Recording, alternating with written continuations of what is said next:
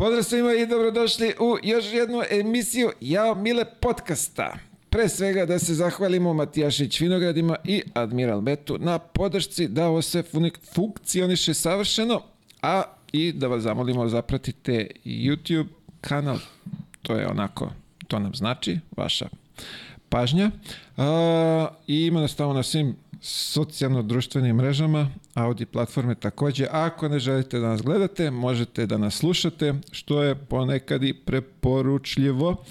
A danas, večeras, jutros, kako ko bude gledao, ovaj, u kojim vremenskim zonama, sa nama je Ivan Zorovski, moj bivši kolega iz jednog grada. Ovo je iz jednog kluba iz predgrađa, što bi se reklo. Zore, dobro došao. Pa evo, po, ima podugo smo se mi nešto, ali nikako da se organizujemo. Pozdrav Mile, hvala ti puno na pozivu pre svega. Jeste, ja baš sam gledao poruke pre neki dana, jedno godinu dana ima. godinu dana je prošlo, da. E, ali vidi, moram da te pohvalim. Ovaj, ovaj čovjek, ja mislim, koji u poslednjih godinu dana putuje, skupljaš ti one bre milje i ona čuda gde sve putuješ i koliko putuješ? To mi je velika greška zato što ne skupljam, ali možda bi trebalo, trebalo možda da počnem. Mo, možda da počneš. Da, sigurno, ovaj, ali dobro je da smo se našli i da smo uspeli da se uklopimo. Pa vidi, s obzirom stvarno kakav je raspored, či ljudi znate predstavu koliko čovjek putuje, što znači samo da je posvećen svom radu, je tako? Hvala. Složit ćeš se sa mnom. Tako je. Ovaj, to su neke destinacije, ko, kombinacije G6, gde ti sve putuješ i kako stižeš do nekih mesta, tako da ovaj, svaka ti čast. Uh. Kako iz tvog ugla to izgleda? Mislim, pre svega organizovati ta putovanja.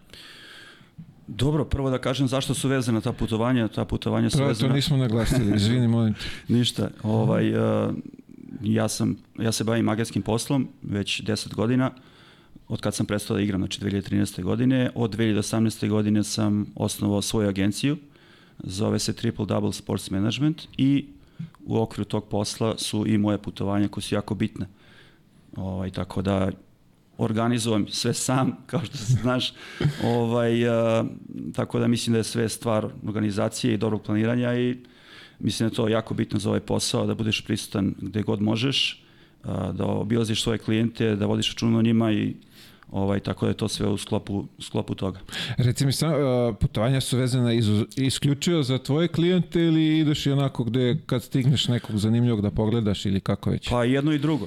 Trudim se da uklopim da uradim obe stvari, da upoznam što više ljudi mogu na tim putovanjima, znači da pogledam i utakmice, a i da vidim igrače koje zastupam i u isto vreme da vidim neke nove ljude uh, Uh, tako da kad planiram, trudim se da bude neka utakmica s nekom ekipom koje, gde nekog ne poznajem aha, aha. i na taj način ovaj, širim taj network uh, i, ovaj, trudim se da uh, to bude otprilike nekih 10 dana mesečno na različitim destinacijama od Španije do, do ne znam, Turske ovaj, a u, u to sve ulazi i put u Ameriku koji je jedno tri put godišnje.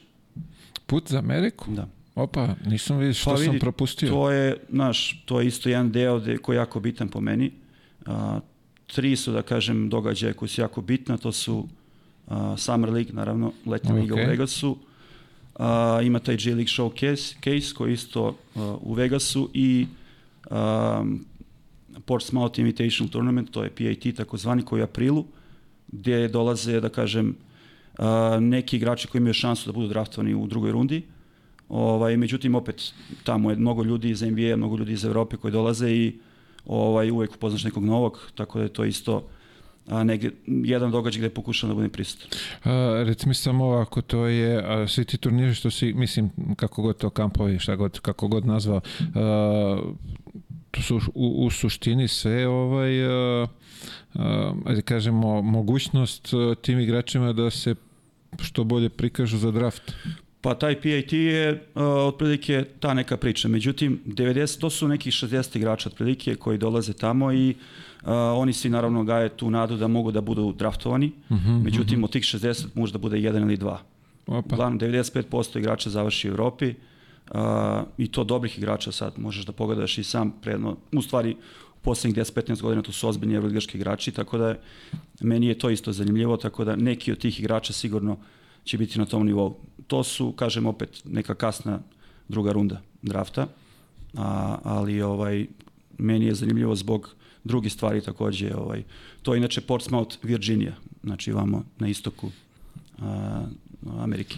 Ajde, bar manje putuješ, nije, kao, ne, ne možeš da prevališ pa celu Ameriku. jednom godišnje, da bi... to je april, ovaj, kao što sam rekao, taj Summer League isto mnogo bitan i naravno u Evropi ovaj, kup koji je u februaru, um, play-offovi i ostalo, tako da kažem opet sve je stvar organizacije. Kapiram ti tamo o, u suštini ideš da ostvariš kontakte sa drugim menadžerima, tako teško je, mislim, koliko je u stvari uh, lako prići tebi kao evropskom agentu, nekom američkom igraču ili nekom igraču koji je izašao s koleđa, Kak, mislim, uh, pretpostavljam da, da, da, da ajde, oni imaju neku odbojnost prema Evropi, on bi, naravno, svi bi voleli taj NBA, ali To je sjajno, sjajno pitanje, uh, ovaj, zato što moja politika koju sam ja napravio prethodnih pet godina od 2018. je da ja radim sam.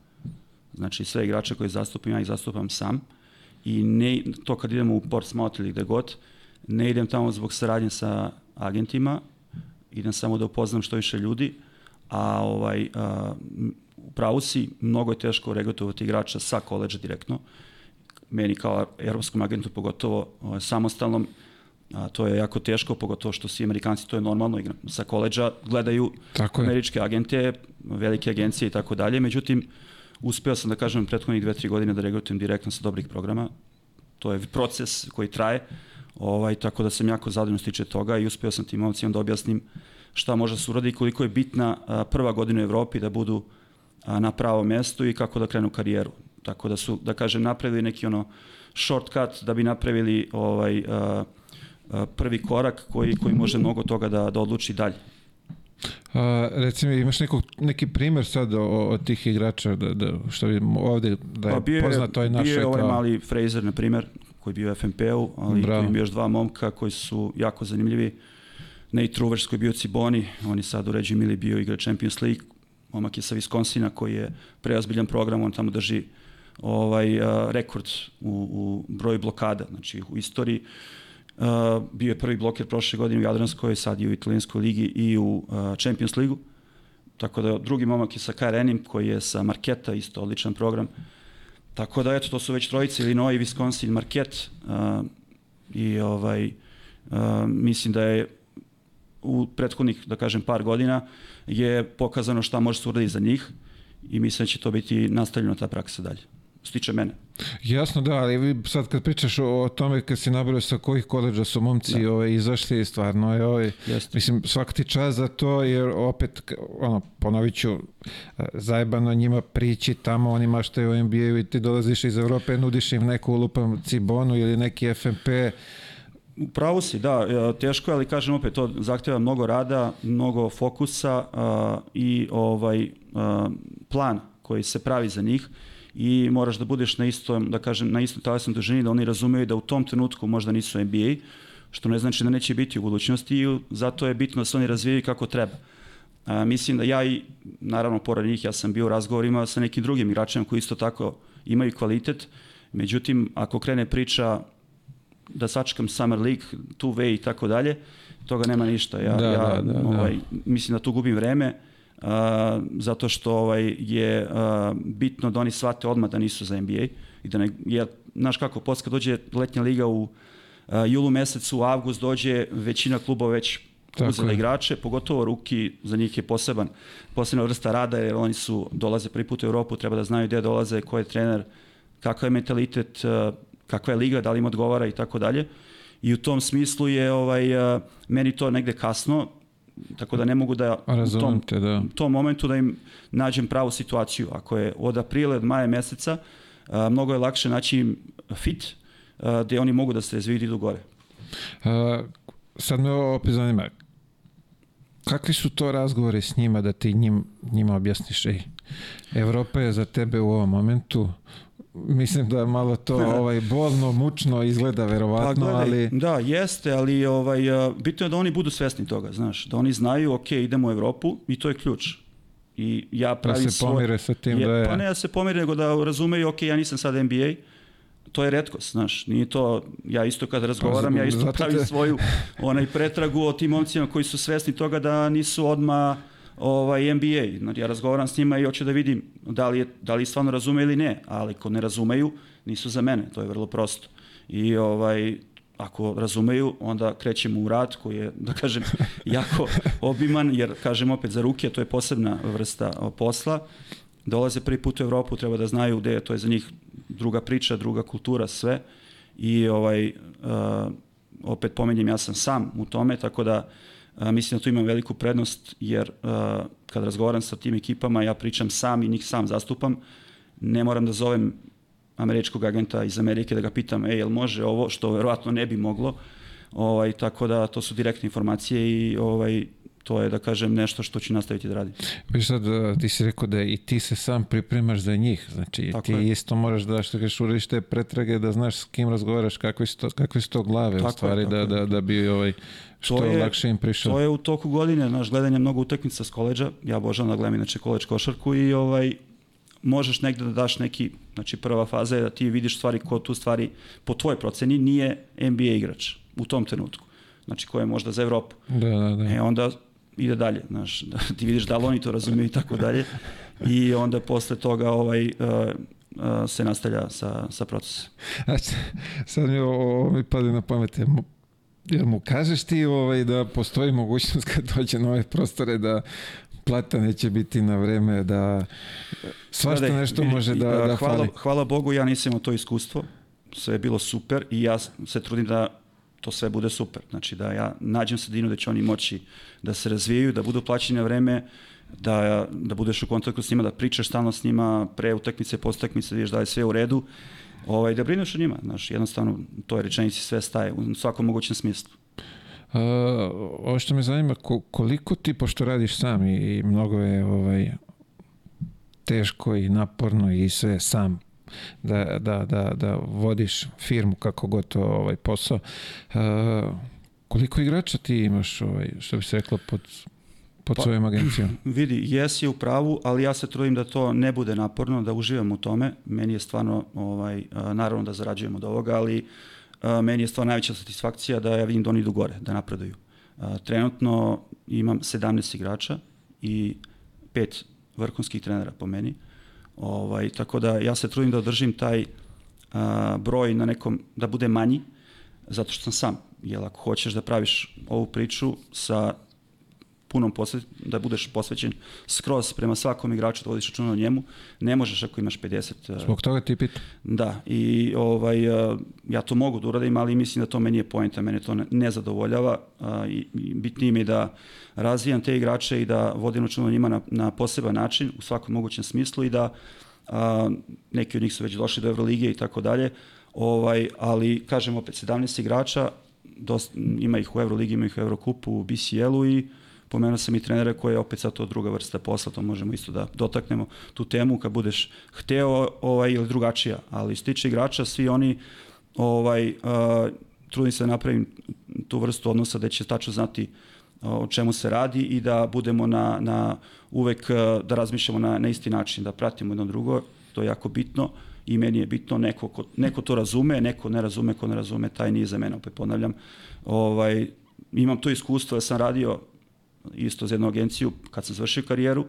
Uh, video sam otprilike taj model, uh, tako da sam slučio da neki drugi, a i, i to isto tako kao igrač. Vidi, prošli smo zajedno i ti si bio u toj situaciji da si u nekoj agenciji tako koja je, da, ima da. tamo 100, lupam 50, 200 Jest. igrača, ti mu nisi na kraj pameti, brate. Pa, I lupam, on kad tebe da. potpiše, on je s tobom završio, on ide dalje i lupam, pitan da, da li te jednom u toku sezone pozove da pitaš kako ili da ono kad treba da uzme proviziju. Kao... Lepo si rekao, bilo je svega tu, znaš, ja viš kao igrač sve sam prošao, pogotovo u tom, tom vremenu koje je bilo drugačije, moram da priznam, kraj 90. godina i sećaš se početak 2000 to nije bilo ko sad, znaš, to je sad ima mnogo agenata, mnogo agencija, znaš, i konkurencija je velika i tako dalje.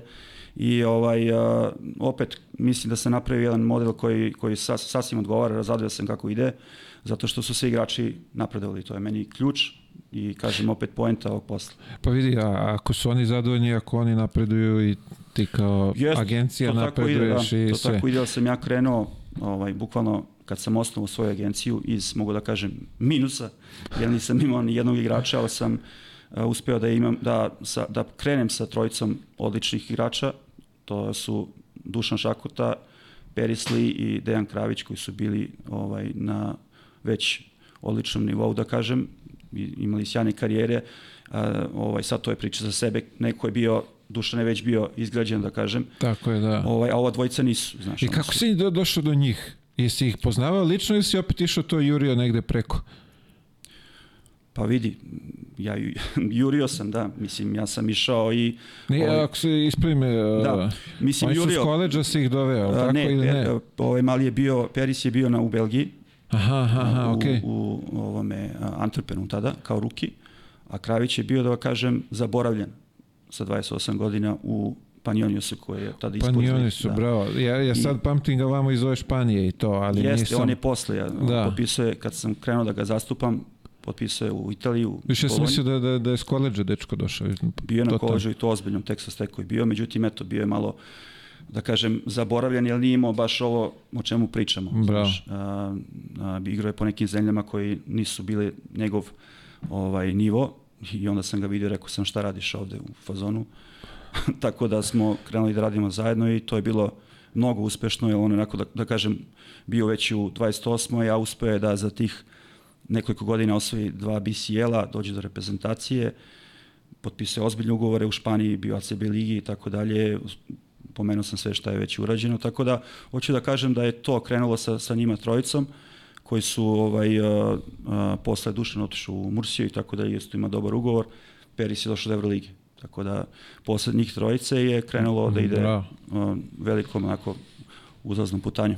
Uh, skoro sam, uh, ne mogu se sjetiti s kim se, ne, ne neko iz naše generacije igrali smo zajedno sigurno, u, a i nešto smo pričali, spomenuli tebe, jer rekao vidi, toliko je posvećen da ne sumnjam da će da pokida jednog dana, da će to da grmi, ovaj, o, da, Da. da. da bude ozbiljna agencija. Uh, reci mi, o, kako, ovaj, otkud triple double ime?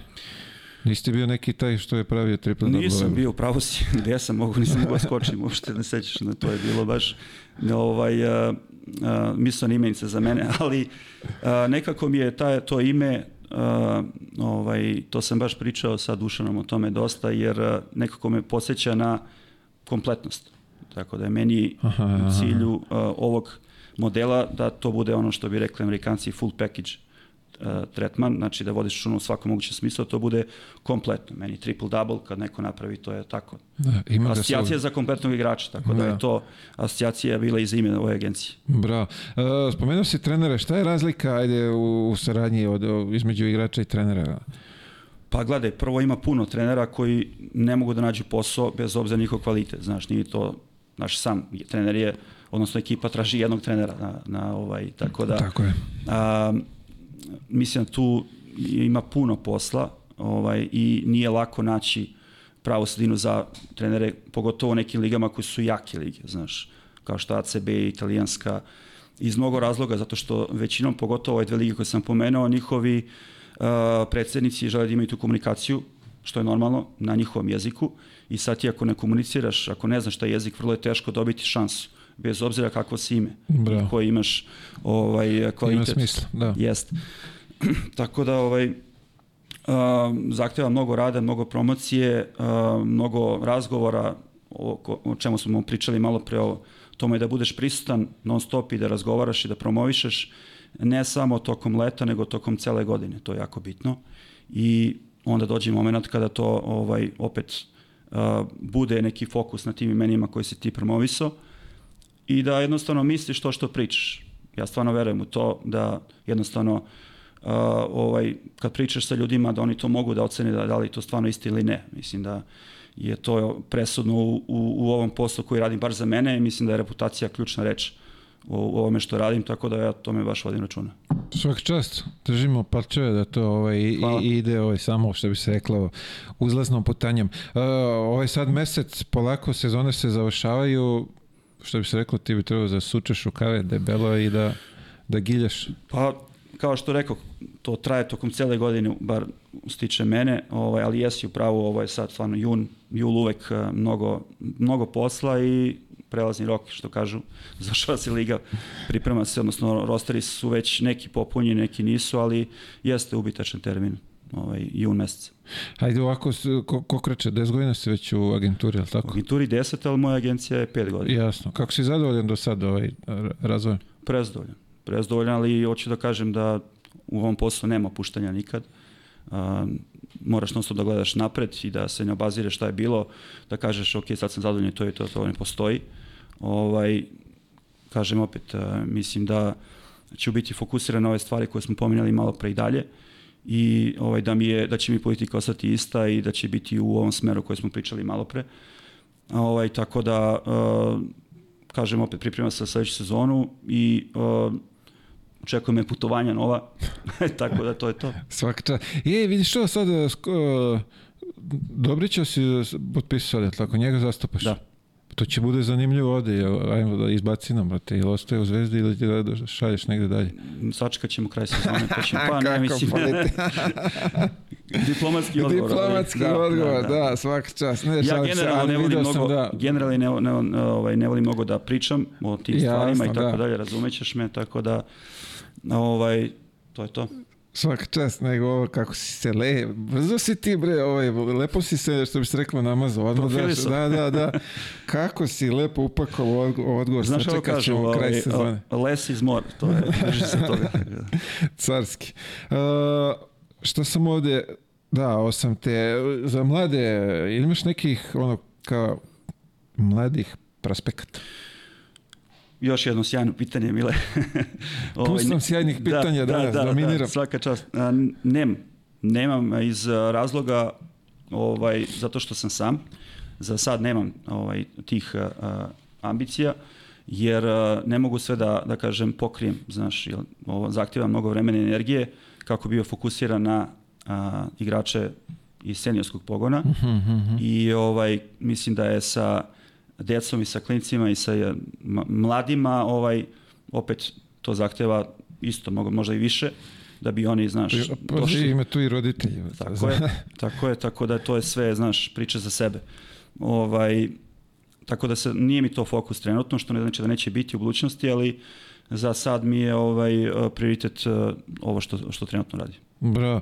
Uh, bio si u Trevizu sad, ovaj, kako iskustvo nosiš odatle? S obzirom, a, koliko biše, tri godine nije funkcionisalo Pa ja to? mislim tri ili možda četiri, nisam siguran. Ko nije upućen, Trevizo je, a, ajde ovako, bio je, obično, bio je pre Ribok, ja kad sam bio, bio je Ribok, posle ga je preuzeo Adidas, mm tako, uglavnom organizuje se, a, ne znam tačno sad kojim datumima, da li je to nešto Pa jun ovaj, u juna? Da, da, jun. Ovaj, uglavnom tamo dolaze najveći talenti Evrope, ima Amerikanaca. Da, da, oni imaju dve, tri ekipe koje dovede iz Amerike. tako, da. da, Ali da. još ja kad sam bio, ja se ne sjećam da je bilo Amerikanaca, zato je, Jeste. ovaj, uglavnom tamo se okupljaju svi ti kao talentovani koji mogu nešto da, da urade u, u tom draftu, na draftu, u svetu košarke, tako da evo sad posle tri godine ponovo je pod Jeste. Adidasom, ali tako? Adidas uh, Eurocamp, um, tri dana od petka do nedelje je bilo, tako da opet to je ista priča.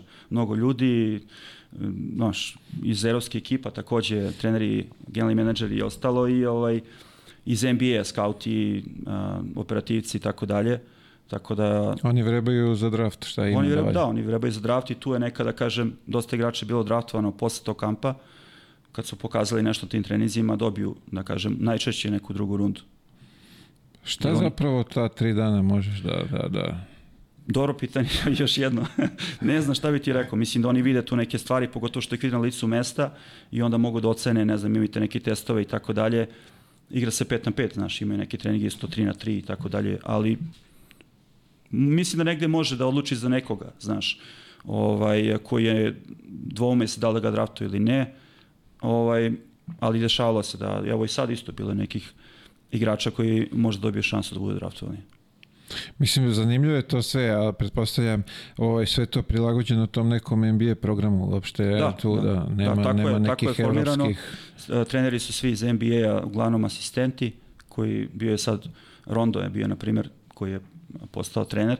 Ovaj, Trener on, je čega? vodio, on je vodio jednu ekipu, da. Sa koju ekipu? Mislim, der, u... Pa ne, to, naš, oni ih raspodele u ekipe. Ima A, kao- ovde? Aha, aha, ja sam rekao negde u sad ih je- Americi, A aha. u Americi vjerovatno će imati neku ambiciju, sad ne znam, nisam siguran gde i šta, ali bio je ovde kao trener, da. zanimljivo. Da. Pa bravo, dobro, da. Kapiram da je ovaj nešto zanimljivo mogu da im pokaže. Sigurno, sad, sigurno sad. Naš i sam, ono, bio si tamo, naš njihov princip i ostalo kako to funkcioniše, sve to je drugačije i trenizi i sve, tako da, uglavnom, super iskustvo. Pa vidi, ja što se ovaj, moje iskustvo kad sam ja bio, ali ne mogu setiti koliko to dana trajalo, više ne, bilo To je to, tako, 4, 5 bilo je to 3. podavno, bilo 20 više? godina, da. Da. Ali ovaj, stvarno, što ti kažeš, to je onako neki tempo ludački, tu neki su vežbe, vamo tamo i da, upravo si, i posle se to podelili, te neke ekipe Da, da, igraju se pet na pet, da. trenizi, testovi i ostalo šuterski. Bravo, testovi, da, seća se bilo ono ko može više da skoči i one koliko agilnosti. Pa ne, pojma, Eto. nemam pojma. Da, Prvi put u- sam uveč- tad video onu, onu lestvicu što A. je pomeraš prstićima, da, Da, ovaj, da. eto, to pomaže njima da naprave odluku. Da. Mislim, stvarno je bilo tu, ovaj, sad kad, kad vraćam film, bilo je nekih raznih uh, tih vežbica, motorike, šta Jeste. već, da. I onda naveče 5 na 5. Tako je. Da. Pazi, ja tad kad sam bio, bio on je Jean Petro, ako se sećaš, francus. Centar. Da. Da. On, Roko Ukić, od ovih ovde, Drago Pašalić, mislim da je Aleksandrov bio. Mhm. To je 2004. ili 5. tako nešto, da. Da. Pa ti si, sad, ti si tada uh, izašao za draft, je li tako? Ili si zato išao, išao tamo, ja pretpostavljam? Nemam pojma, ili je godinu posle. Da. Možda sam godinu posle. Mhm. Više ja ne znam ni koje sam godine draftu. Pete. Moguće, da. Nemam predstav. Ali je bilo, bilo mi je zanimljivo, jer sam tad prvi put, aj kažem, ono, otišao van ovog našeg sistema i ovih treninga, odeš nešto novo, izgubiš se. Ne, malo je, aj kažemo, konfuzno, ko nije pripremljen za to, ko nije navikao na taj način rada i, i sve to. Ovaj. Ali dobro, evo, mislimo, evo, sećamo se sad posle Tako. 20 godina kako Da. je bilo i pričamo o tome. A, reci mi završnicu ove naše ovde lude lige. Ka, kako si video ti to? Kako su je završena ovaj Pa finale dobro, sasvim očekivano. Dva tima, Partizan i Zvezda, dva najbolja tima.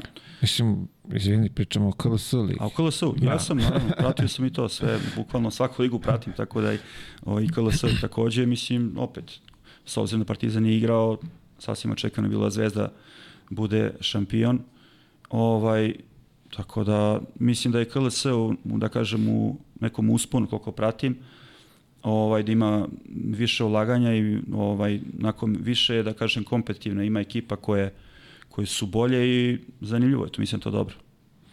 Uh, ono što me zanima, se sećaš ti poslednji put kad se igralo finale na dve pobede? Na dve pobede? Da. Ne.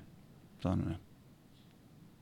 Ja ne, ne, ali evo Ja da bilo ove tri, godine čak i ono vreme presedan, kad da. smo mi bili, bilo tri pobede, da. Ove godine je presedan na dve pobjede, ljudi su došli do titule, što je... Ali, to je Srbija, kod nas je sve moguće i moguće da Partizan ne igra domaći šampionat i moguće da finale se igra na dve pobjede, tako da je sve kod nas moguće što zato smo ovaj šampioni košarkaški bogovi, nebeski narod. A, Završnica ABA Liga. Završnica ABA lige, ne znam šta bi ti rekao, 50-50, mislim, ako me pitaš za šanse, ko će da dobije ili ko će da bude šampion, mislim su podjednake šanse, dve izvanredne ekipe, bit će jako zanimljiva serija. Uh, ne znam ko je favorit, stvarno ne mogu da se izrazim, da kažem u stvari, ovaj, uh, mislim da su jedna i druga ekipa tempirale formu za finale i ovaj, Partizan naravno ima prednost domaćeg terena, to je svakako bitan faktor, ali možda ne odlučujući jer Zvezda ima dovoljno iskusne igrače, iskusnog trenera koji mogu da, da iznenade, što opet kao što Partizan isto može negdje iznenadi u pioniru, tako da vidjet ćemo, bit će baš zanimljivo. Kako gledaš sada u situaciju, ovaj, pošto se tu spomenje ko će sudi i ovi su rekli da neće da sviraju? Ha, gledaj, mislim da to bilo i prošle godine, neko nije svirao, kako se ja sećam, ovaj, od naših sudija u finalu. Ali... Znam za kup, za kup znam, da, Da, to, to da. je već koliko par godina da, da... nisam da, da, da, bio ili ovaj, pa vidi, ako će da se završi kako ono, treba i da bude, znaš, bez izbacivanja publike, da sve bude okej, onda neka sviraju i druge, mislim, šta da, šta da kažem. Samo Misliš da, da, bude, će sa ovaj, stranim uh, sudijama da bude bez... Biće iz Hrvatske i iz, uh, iz Pa Slovenije. nešto se spominje i Euroliga i Aha, tamo, e, to tamo ne znam, sad. to ne znam, ali možda će, vidjet ćemo, ajde, kako bude išlo sa njima, ako oni, možda promeni nešto, da, da sve bude kako treba, se završi bez bacivanja i publike i da ne bude ovaj da se završi kako treba.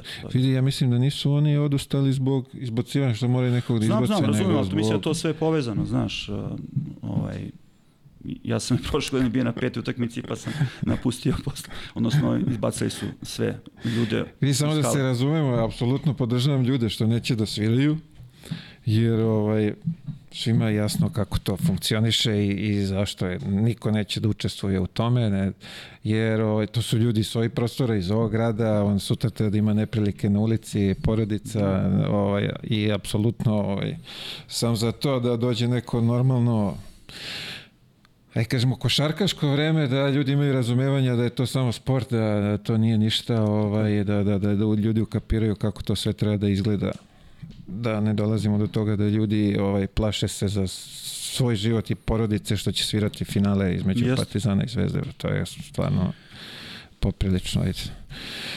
Da ne koristimo teške ovaj reči. O, ajde ovako, Euroligu, kako si video večete ovo? Vidi, ja sam mislio, bio, odnosno od početka a, sezone sam ovaj, govorio da je Olimpijakos najveći favorit, nekako, iz, iz više razloga. Mislim su, oni izvanredno radi, inače, ovaj, napravili su dobru kompoziciju tima i tačno se vidi da znaju šta hoće. Znaš, imaju ovaj, bazu igrača koji igraju zajedno nekoliko sezona, odlične grčke igrače i samo su dodali par, par novih tipa ovaj, Peters, Bolomboy, um, Kenan, šuter. Tako da sam bio ubeđen da će oni da, da, da osvoje, ali eto, to je košarka, poslednji šut i ostalo dobro poznati Ljulji i Real Madrid. Tako da ovaj je to a, tako se završilo, ali a, mislim da je Olimpijakos po meni igrao, igrao najlepšu košarku cele godine. Ove naše? Partizan Zvezda. Mislim da je Partizan napravi izvanredan uspeh, to nema dilema nikakve, svaka im čast na, na tome. Ovaj, a, šteta ono, za Real Madrid stvarno imali su sve o svojim rukama, da kažem. A, tako da, ovaj, opet i pored toga stvarno je napravljen sjajan, sjajan rezultat. A Zvezda, mislim da nisu imali sreće, bili su tu blizu. Mislim da su neke utakmice sa, sa ovim uh, Bayernom i Albom možda odlučile taj plasman za top 8 ovaj, naravno sve što se dešavalo oko Kampaca i tako dalje, jer su jedno vreme igrali ja nisam vidio kako mogu da izgube u jednom trenutku. Da, da, da. Ona kad su dobili ne znam koliko utakmica za redom i bilo je stvarno milijana gledati kako igraju, međutim eto taj neki fokus se možda tu izgubio u tom trenutku i ti porazi po meni su ih možda koštali za nešto više. Pa dobro, da, vidjet ćemo, imamo još finale ABA lige, da imamo kako će se to završiti. Zapravo ne znam kada ćemo emitujemo emisiju, možda bude liga i gotova do tada, ali nema veze, imajte razumevanja. Mi pričamo, a vidjet ćemo šta će se izdešavati umeđu vremenu. O, ovaj, ajmo mi sad nazad u što bi se reklo, male cipelice, da imamo kako izgledalo tvoje odrastanje, što, gde si rođen, gde si živeo i sve to tako. Ja sam Zemunac, tako da sam ceo život u Zemunu i evo sad sam se vratio isto u Zemunu živim. Krenuo sam u mladosti iz Zemuna da igram kao klinac. A u stvari, pre toga sam, ja sam igrao futbol, znaš. Opa. Da. A, u Zemunu, naravno. Isto za Zemun. Isto. Ja višao sad, uh, ajde ovako, ti si Zemunac, a obično Zemunci vole onako malo da, što bi se reklo, da šište, a ti nisi taj tip. To, to, mi, predra... to mi nekako nikako ne ide s to. To su predrasude. Nisam taj tip u pravu si, ali kad kažeš Zemunac, znaš, svi imaju tu asocijaciju, ali ovaj, mislim da nije baš tako, znaš. Branim Zemun. Ovaj, eh, da, igrao sam futbal kao klinac i prestao sam sa nekih 11 godina. A, Što nisi bio dovoljno talentovan ili? Pa nije da nisam, nije da nisam, da kažem, igrao dobro sam, on, bio sam, da kažem, talent i tako dalje. Šta si bio, napad ili odbrana? bio sam napad, pa su me kao prebacili odbranu. Krenuo sam da rastem, ne znam, ja, nisam me nešto ja visok, mislim, 194. Znaš, nije to sad pa kao... To je za futbolera. Da, ali kao klinac, znaš, bio sam ono, otko znam, nije sad da, da sam imao neku visinu. I bio je sa mnom Kežman, na primjer, Matija Kežman. Zajebavaš. Da, da, da, da, da, i bili, o, igrali smo mi zajedno to selekciji, da kažem. Ovaj, međutim, on je posle, ono, znaš, igrao to što je igrao i tako dalje. Uh, ali, znaš kako, nekako mi je bilo, nemam pojma, dopadalo mi se, ja sam kao mali, znaš, ono, kao, kao klinac. Pa dobro, svi smo jurili da, za futbolom. I da. tako je krenulo, međutim, 11. godini, tako negdje otprilike, ja mislim da je, da je ovaj, bilo to vreme, ovaj, igrali smo nešto napolje i mene je lopta smrznuta pogodila posred face i bila zima, znaš, igrali smo napad i ja sam rekao, to je to, it. Mislim, ne kažem samo to odlučilo, da odlučilo, ali bilo mi već negde u glavi, krenuo sam isto vreme da igram basket na ovaj, po terenima i, i, ovaj, i samo sam se prešao to, znaš, samo sam se prešao to i to mi je bio lakše, ono, ono indoor. A čekaj, moguće da nam je lopta da, da, zaleđena u glavu. lopta posred i čao. I, čao, i ovaj, Znaš kako, to je bilo futbal, ne znam da li si upućen, a, pošto sam ja rođen 24. jula, znaš. Okay. I oni imaju kao dve grupe. I sad ako si rođen 1. augusta, igraš valja sa ovim starijima koji su bili 78. Ja sam 79 i ti automatski nemaš tu šansu da igraš toliko, razumeš, to je sve isto i nisam igrao nešto mnogo, znaš, sve to bilo zajedno. Ovaj, u futbolu je to drugačije, znaš, nema neke grupe kao do 1. augusta, ako si rođen, onda si sa starijima, znaš. Bar u to vreme bilo kad sam ja bio, znaš. Ja znam da imaš za školu, ono, do kad je dete rođeno, pa kad spada u koju, znaš, za futbol nisam znao. Futbol, eto, to ti tako bilo tada i to je sve zajedno. Pa ovo je jače, izvini brate, ovo je mnogo jače nego one taksi priče, znaš, ja igrao s Kežmanom, a jebi ga i kafana me povukla. Ne znam, ne znam da se on seća uopšte, zato što znam da je bio na nekim utakmicama kad smo igrali ono sa Partizanom finala i to, ono, kad smo bili u FNP. Mislim da je bio tada, verovatno me se čovjek ne seća, smo igrali kao klinci. Pa dobi, to da. je ta, taj uzrast ko da, će da, popamti da. Uglavnom, sve. Da. ovaj, uh, prešao sam na basket, ili kažem ti, opet tada je krenulo ono, bila euforija, sećaš se reprezentacije i tako dalje i ovaj 90. godina i onda sam krenuo da igram ovaj, u mladosti Zemuna kao klinac. Gde to, gde, gde, gde ste trenirali?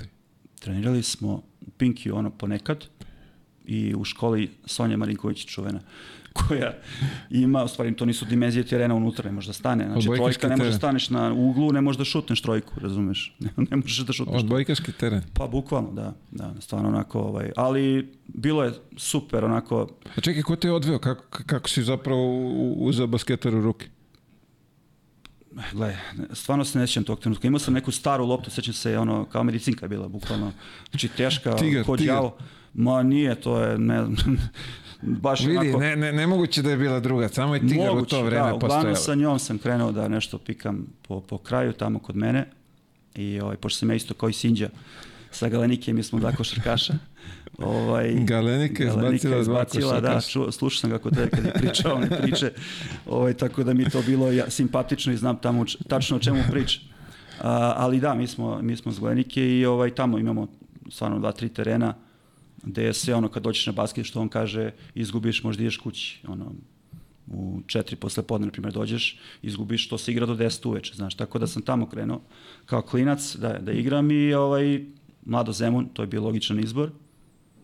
Posle toga, znači igrao sam tamo do nekih do, 2000, do 94. sam ovaj, bio tamo i 94. to delo je ovako mnogo daleko, ali sam prešao u FNP. A, reci mi to kad si počeo ovaj, u, u, kako se, u mladosti si mašto nešto kad te zanela lopta šta bi voleo da pa postaneš? Pa tad je bilo, znaš, kažem opet, euforija oko reprezentacije, mm -hmm, tad sećaš se, mi nismo igrali 94. Tako je, pa je peta po sankcijama bila, da. i tako dalje. I onda 95. to je bila euforija oko zlata koje smo osvojili u Atini, svako je žela bude Đorđević, Danilović i ostalo. Ovaj, tako da je cela taj, taj uh, nalet uh, uticao na sve klinice da, da igraju basket i da probaju nešto. Da li sam maštao? Gledaj, svako ima snove, jesam maštao naravno, ovaj, ali uh, da kažem, uh, mislim da je uh, ovaj, uvek bio cilj samo da uh, probam da budem košarkaš, znaš, nije sad meni to bilo ono kao da, da, moram da, po da. svaku cenu, ovaj, i ništa, onda kažem, otišao sam u FNP i tamo je nastavljen taj put koji je bio a, dugačak, da kažem, jer je ovaj mnogo toga je bilo naš u, u tom a, odrastanju i sazrevanju da, da bi postao profesionalni košarkaš. A, kako ste zapravo prešao iz, iz, iz Zemuna u FNPL? To bilo nešto, ko, ko, je selektovao to? Pa gledaj, tad u to vreme je bilo totalno drugačije, kažem ti, nije to bilo kao sada, ali uh, FNP tad 94. godina krenuo da pravi svoju -hmm, priču, mm -hmm. ovaj, pravi, pojavio se kao novi klub i tako dalje i krenuo da formira mlađe kategorije selekcije. Tako da smo, ja sam sa dva momka prešao iz mladosti Zemuna s dva uh, uh, igrača u FNP, doveo nas je trener Željko Deljača i on je, mi smo imali tad kadetsku selekciju. Ovaj, tako da od te kadetske to je bilo posle filtriranja koliko hoćeš. Znači, Ne, to- ali zanimljivo mi je da ti iz Zemuna ideš u železnicu. što što je onako, znaš, što je... Jeste, to je, zato kažem, bilo je svega, u, ono, mnogo stvari kako bi došao do situacije da se boriš opšte da budeš u 12, znaš, u tim kadetskim juniorskim. Jeste i Zemuna čuvena 88-ica od početka do kraja, je oslobođenje do železnika, to putuješ sat i 10 autobusom. Nije bio ovaj novi most, znaš, to je bilo Znam, preko... Tako da je to bilo dva put dnevno. Škola na sve to tak, i ovaj teško jeste bilo, ali kažem, mislim da zavisi od karaktera da li nešto želiš ili ne. Ovaj tak, mene to vodilo kroz kroz taj ceo period i ovaj um, prošao sam te selekcije koje sam prošao u kadetima, juniorima, kroz razne filtere koji su uh, treneri pravili u to vreme, sa ciljem da naprave odličnu selekciju koju su posle napravili, juniorsku selekciju koja se borila za prvo mesto ovaj, kasnije u Jugoslaviji tada, odnosno Srbije i Crnogora posle. Za, ostaćemo još malo ovde, ovo me zanima. Uh, 88-ica do železnika uzme koliko? Jedno, Toliko, zavisi od gužve na Banovom brdu, kad Pa se penješ. da, ali ovaj, uzme nekih 45 sat vremena, jel da?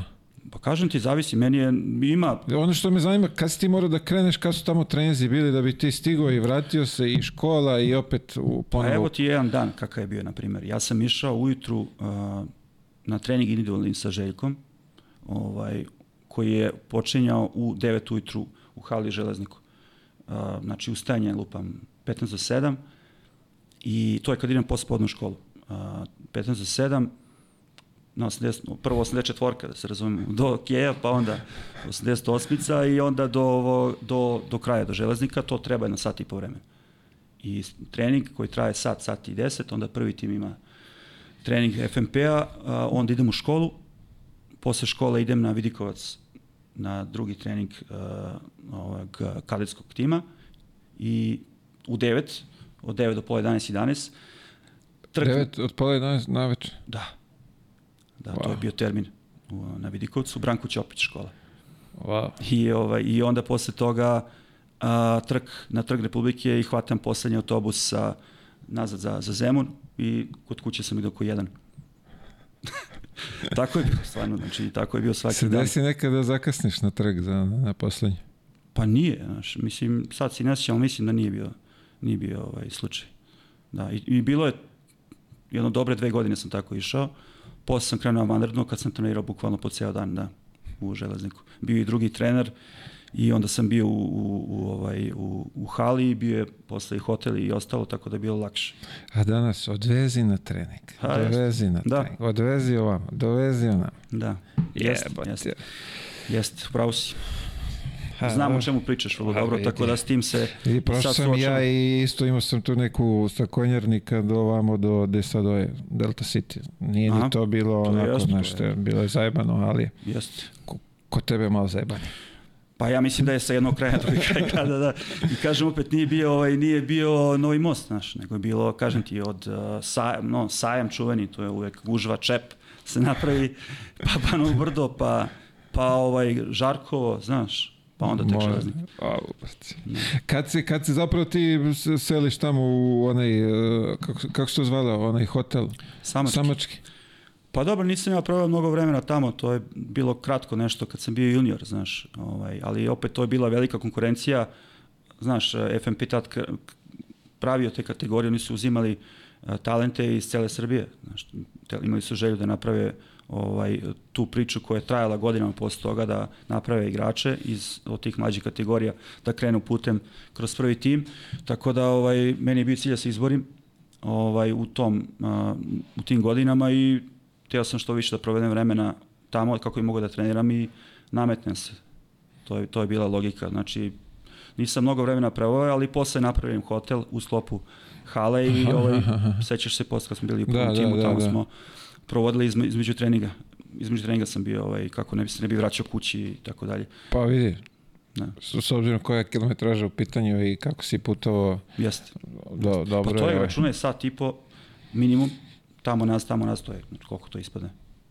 To je Pola baš- dana. Pa da. Pola dana samo u prevozu. Jeste, jeste, bre, jo, joj, deco, da vi znaš kako u naše vreme kako je bilo, Da. a vama je sad sve lako. Vi na aplikaciju bre čekaju autobus, znaju na aplikaciji kad će doći. Tamo bre ništa nije bilo, ako dođe, dođe, ako ne dođe, cepaj peške. Tako je, ako, ne, ako ti ne želiš se izboriš, znaš, to je, nemaš to kod sebe, no, ovaj, džabe talent i sve. Ja, ja baš verujem u to i u težak rad, to je jedini način, ne, ne postoji drugi po meni. Apsolutno. Apsolutno i masovna ponavljanja. Ove, kada ulaziš ti u, u, u prvu selekciju? To Pa ja sam tada, tim. znači to je bila 97. godina, kad sam potpisao prvi profesionalni ugovor i opet ponavljam, to su bile druga pravila i drugo vreme i tako Ona je dalje. od 8 godina, jel tako? Sedam. Sedam. ovaj, e, to su svi, sećaš se da, da smo imali. tako je, posle su nešto skratili. Jesu, ali to je bilo čak i pravilo, ja mislim, nešto je Savez imao neke, neka pravila. Bilo je drugačije vreme, nije bilo agenata, nije bilo ničega, znaš, bilo dva agenta, bilo možda tada. I, ovaj, i ništa, sa, sa 18 godina prvi profesionalni ugovor i onda sam bio, ovaj, tada je FNP praktikovao da a, šalje igrače na pozemicu kako bi se razvijali. Ja sam bio prve dve godine u, u Sremu i Sremske Mitrovice, koje je tada igrao mnogo jaku prvu B ligu. Posle bio Borac Čačak, sećaš se i ostalo. Ovaj, tako da smo iz juniora je, prebačeno dva ili tri igrača tamo sa nekim igračima koji tada nisu bili u prvom timu. Nino Marjanović, Dimitrije Matić, sećaš se, i ovaj, još par njih. A, mi smo bili u Sremu prve i druge godine kao pozemljeni igrači FNP, igrali smo tu jako prvu B ligu koja je mnogo koristila. Tamo ste bili smešteni, logično sve. Tamo smo bili smešteni dva puta ovaj, u dva hotela različita. Prvi je bio čuveni KP dom, KP dom, prvi ovaj, zatvor. Ono, u sklopu je, znači hotel je tu, znaš, jer je ovaj, a, predsednik kluba je bio čuveni Jova Vukadinović, a, koji je radio u policiji i bio je povezan sa upravnikom tu zatvora, tako dalje, tako da su oni napravili nama ovaj, uslugu i smestili nas u, koji je bio, ne, super je bio, stvarno je bio smeštaj fenomenalan, samo je bio malo kad dođeš da jedeš, znaš, pa tu su stvari zatvorenici koji služe. Da, da, Zajebavaš. to, oni su tu bili, znaš, kao daju, ovaj, ali je, znaš, bilo je, nije bilo nikakvih problema nikad, bili su super ljubazni i ostalo i to je bila ta prva godina ovaj, u tom hotelu. Uh, opet ponavljam, sve je bilo perfektno organizovano, ali stvarno ovaj, nije bilo nikakvih uh, problema, niti bilo čega. Uh, mislim da te dve godine su bile stvarno, da kažem, značajne za, za mene, da steknem iskustvo i ovaj, mislim da i u, bilo mi lepo tamo. Bilo mi lepo. Te, te, druge godine smo bili u drugom hotelu koji je bio u centru. To je već bilo To je bahat, bilo to je- luksus. Sirmijum, ovaj, ali ne, stvarno uh, uh, i klub i ljudi iz grada su bili super ljubazni, tako da je nama kao igračima tad bilo ovaj, uh, stvarno ugodno da budemo tamo i da igramo i da steknemo iskustvo. I posle sam se vratio. Jel se sećaš nekih, ovaj, što bi se reklo, vatrenih tih gostovanja u, u toj prvoj V? Bilo je, Gde je bilo je, bilo mnogo, bilo je puno. Uh, to je bila liga sa Crnogorom zajedno, znaš. Opa. Znači, Nikšić, Je to ona čuvena škola što je svi, uh, kogod dođe ovde spomene, za u Nikšić. Nikšić, pa gledaj, oni su igrali u njihovom, onom, kako se zove, ta hala njihova, uh, zaboravio sam, nije bitno. Neko je spominjao neku srednju školu, ne, ne, nešto mi smo da. igrali u hali. Uh, A da, ti si došao posle u srećna vremena. Da, da, onda dole crn, ovaj Herceg Novi isto, Primorje je bilo Herceg Novi, ali Zdravlje Leskovac, uh, Sloga Kraljevo, Hercegovac Bileć, Gaj Dobra, izvini. Gaj Dobra. Gaj, Gaj okej, Dobra. okej, da, da, Da, da. Bileć je vama A, drugo. Bileć je, da. Ovaj, a, ko je još tu bio? Bilo je dosta, dosta ekipa koje su, bila je mnogo jaka liga, znaš. Iskusni igrači, a, znaš, bilo je dve ekipe se plasira gore. Te godine kad sam ja bio, mislim, bila Sloga ušla i, i Zdravlje, čuveni Pavk je tvoj drugar i ovaj a, Mitić, Žuća i ostali. Tako da je bilo super iskustvo, da, bilo je jako teško igrati na strani u to vreme, ali ovaj, A dobro, vidi, zato dobiješ iskustvo koje ti ovaj... Mislim da je to mnogo bitno, znaš, mnogo bitno da je, mislim da je to ovaj, sad nije na tom nekom nivou, što se tiče mladih igrača da odu sa 18 godina da igraju taj, da osete taj kvalitet, znaš, da igraju protiv starijih igrača koji su na dobrom nivou i što ti kažeš da imaju ta gostovanja da se kala i da steknu iskustvo koji je mnogo bitno za dalje. Znači ja sam tu imao 18-19, nisam ja jedini, mislim, ja tu koliko hoćeš, posle su bili u borcu A da, još je Teodosić, ono. bio Savan, bio Erceg i tako dalje, koji su se posle vratili FMP i njima je to mnogo značilo. E, te dve godine posle ulaziš u prvu ekipu. Da. Ko je u, u, tad u prvoj ekipi od igrača? Pa to je bila ekipa, gledaj, to sam, malo pre smo pominjali, ja sam bio tamo 10 godina, znači u FNP sam bio 9, 10 godina i ja sam nekako zakačio sve moguće igrače koji su bili tamo od Ivice Mavrenskog do, do tvoje generacije, kad, kad, ste, kad ste kretali da, 2004. Ovaj, ali kad sam se, kad sam se ja vratio a, 2001, 2000 u, prv- 2000 u prvu ekipu, a, bio je ovaj, a, ekipa je bila Šekularac, Mladen, a, Pri tome i on je u tom momentu klinac, on je mlađi od tebe, ali tako? mlađi od mene dve godine. Tako je, znači ne od ovih starih tek je ovaj od klinaca je bio Šeki, Šeki bio je... A, stari ko je bio? Vesa je tu. ne, nije on bio Nije te godine, on je bio u Partizanu. Bravo, Vesa dolazi, ka, dolazi kad sa, Vesa je Je. pre toga bio, ali tako? Pa je otišao u otišao Partizan, pa se vratio. Pa se vratio, da. I onda je bio ovaj, kako se zove, Nino je bio, Marjanović, bio je Marko Peković, Bravo. on je bio kao playmaker, Nenad Pištoljević je bio, um, bio Bekova, ne mogu se setim ko je bio, Kecman je bio. Bravo, Dule. Dušan Kecman. Kecman je bio te godine sa mnom zajedno. Bio je Nikolić, Goran, Aške naravno. Tako da je bila opet odlična ekipa i pokojni Aca je bio trener, Aca Petrović. Onda je te sezone ovaj, a, došao Baletić, u toku sezone isto pokojni. I ovaj, to je bila ta prva godina u, u, u a, FMP-u, s tim što smo igrali onaj a, kup a, support Da, da, da, da, sećam se. I sećam se tad smo igrali, igrali smo, onako, imali smo dobru ekipu, stvarno, ovaj, u Juba ligi. Dobili smo budućnost, sećam se, jedno vreme smo imali neke niz pobjeda baš onako ludački i bila je budućnost koja bila neprikosnovena tad u tom nekom momentu. I mi smo ih dobili na strani nešto, pola koša, sećam se. I onda smo sledeću utakmicu igrali sa Iraklisom, koji je bio prvi u tom prvenstvu grčkom, gde je bio, sećaš se, ovaj, Blackney, Roderick Blackney, play, playmaker, i naravno Diamantidis, koji tad kad se pojavio niko nije znao ko je, i ono kad, si ga, kad ga vidiš tad prvi put, vidiš, vidi ovog, znaš, ono levak, onako sav Da, da, da, da. Međutim, videlo se da, da, da, da ima nešto, znaš, da ima neki X faktor. Ovaj, tako da i oni, oni njih smo, mi smo dobili na strani, ovaj, imali smo te dve pobede, vjerojatno onako najupečatljivije uh, te sezone. Ono što me zanima, kako ste prihvatili u, u, u prvom timu, s obzirom da si ti, ko je, ti Šeki, ko je još bio mlađih, ili samo vas dvojica? Pa bili smo tu svi otprilike, znaš kako, ti godina od 97. 8. FNP je krenuo sa a, politikom mladih ekipa. I to je trajalo, znači, dugi niz godina. Tako da smo svi godina ovaj, a, bili, tih sezona bili svi a, isti godina ili, znaš, nije to bio niko sad kao stariji, ovaj, jedno vreme je bio Stragi. Pravo, Stragi je bio- Stragi, e, vidio Da, sam, Stragi Stragi te ovaj ovde spominjao, Da, ne znam da si upratio, ne znam te što ispratio. vam pričate opkladi, to, to mi je... Se Kaže ne da si nekog si ovaj, od Ne, klinaca si, ne. kaže, maltretirao Ono što tamo. jeste istina, nisam nikad matirao sigurno, nego šta je istina je da smo stalno on i ja igrali jedan na jedan, Aha, aha, aha. centarski. Znaš kao, centarski igramo. Sa njim centarski. Znaš, sa Stragim kao. Pa dobro, post. nije, nije teško ga čuvati. Pa nije, da. I to smo kao neki igrali, neki, ovaj, posle svakog treninga smo, ili pre treninga kao zagrevanje nešto. To jeste, to smo, to smo praktikovali stalno, ali... Čekaj, je li istina bre da, ti, da si izgubio večeru od njega ili nije?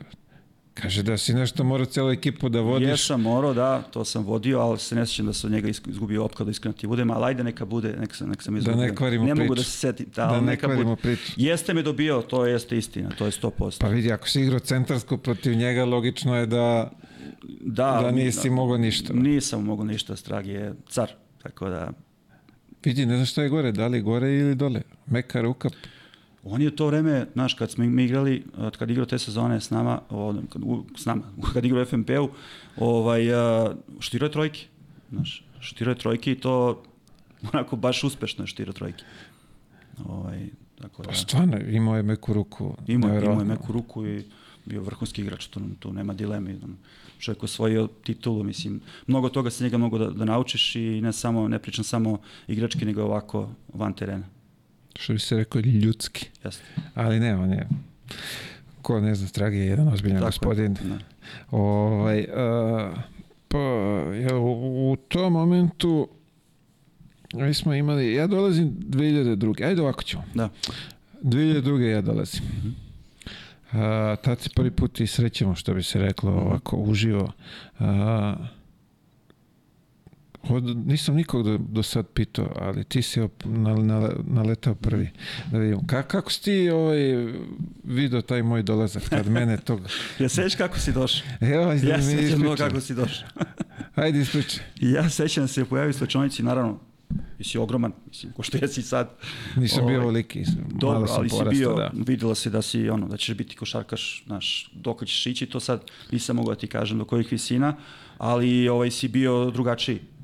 Bio si drugačiji, sa sve petlama fluorescentno zelenim, da sećaš toga? Jeste, bravo, evo te, bravo. Da, Ali pojavio to smo mi nekim- nešto mlatili. Toga se ja sećam. Znači, ti si došao, pored mene si seo, i imao si bele neke patike sa Tako je. fluorescentno zelenim ovaj, drečavim nekim petlama. Jeste, bravo. Eh, tako si mi ostao u glavi prvi put kad si došao i onda sećam se da su baš radili s tobom puno i da si ovaj, Bravo, kako se ti tih NBA. petlih, brate? Kako se ti ti petlih? da pa Mi smo se nešto glupirali u Hemofarmu tad na tom nekom završnom turniru, pa smo ovaj... da ne znam, to mi je nekako ostalo. Inače imam dobru memoriju, ali što tiče tebe, to asocijacija prva kad me pitaš ovaj, kako smo se upoznali tako, eto, seo si, je- to si ne, ne sjećaš toga sigurno, ali Vidi, pa se- sad kad si rekao, Da, znam da, i da, koje da. su i patike, znam i jeste, da, jeste, ali jeste. To je, nisam- bio, to je bilo prvi taj, ali posle sećaš se ovaj, kad si krenuo da igraš, a, mislim da se sećam čak i tvog koša kad si dao horok jedan.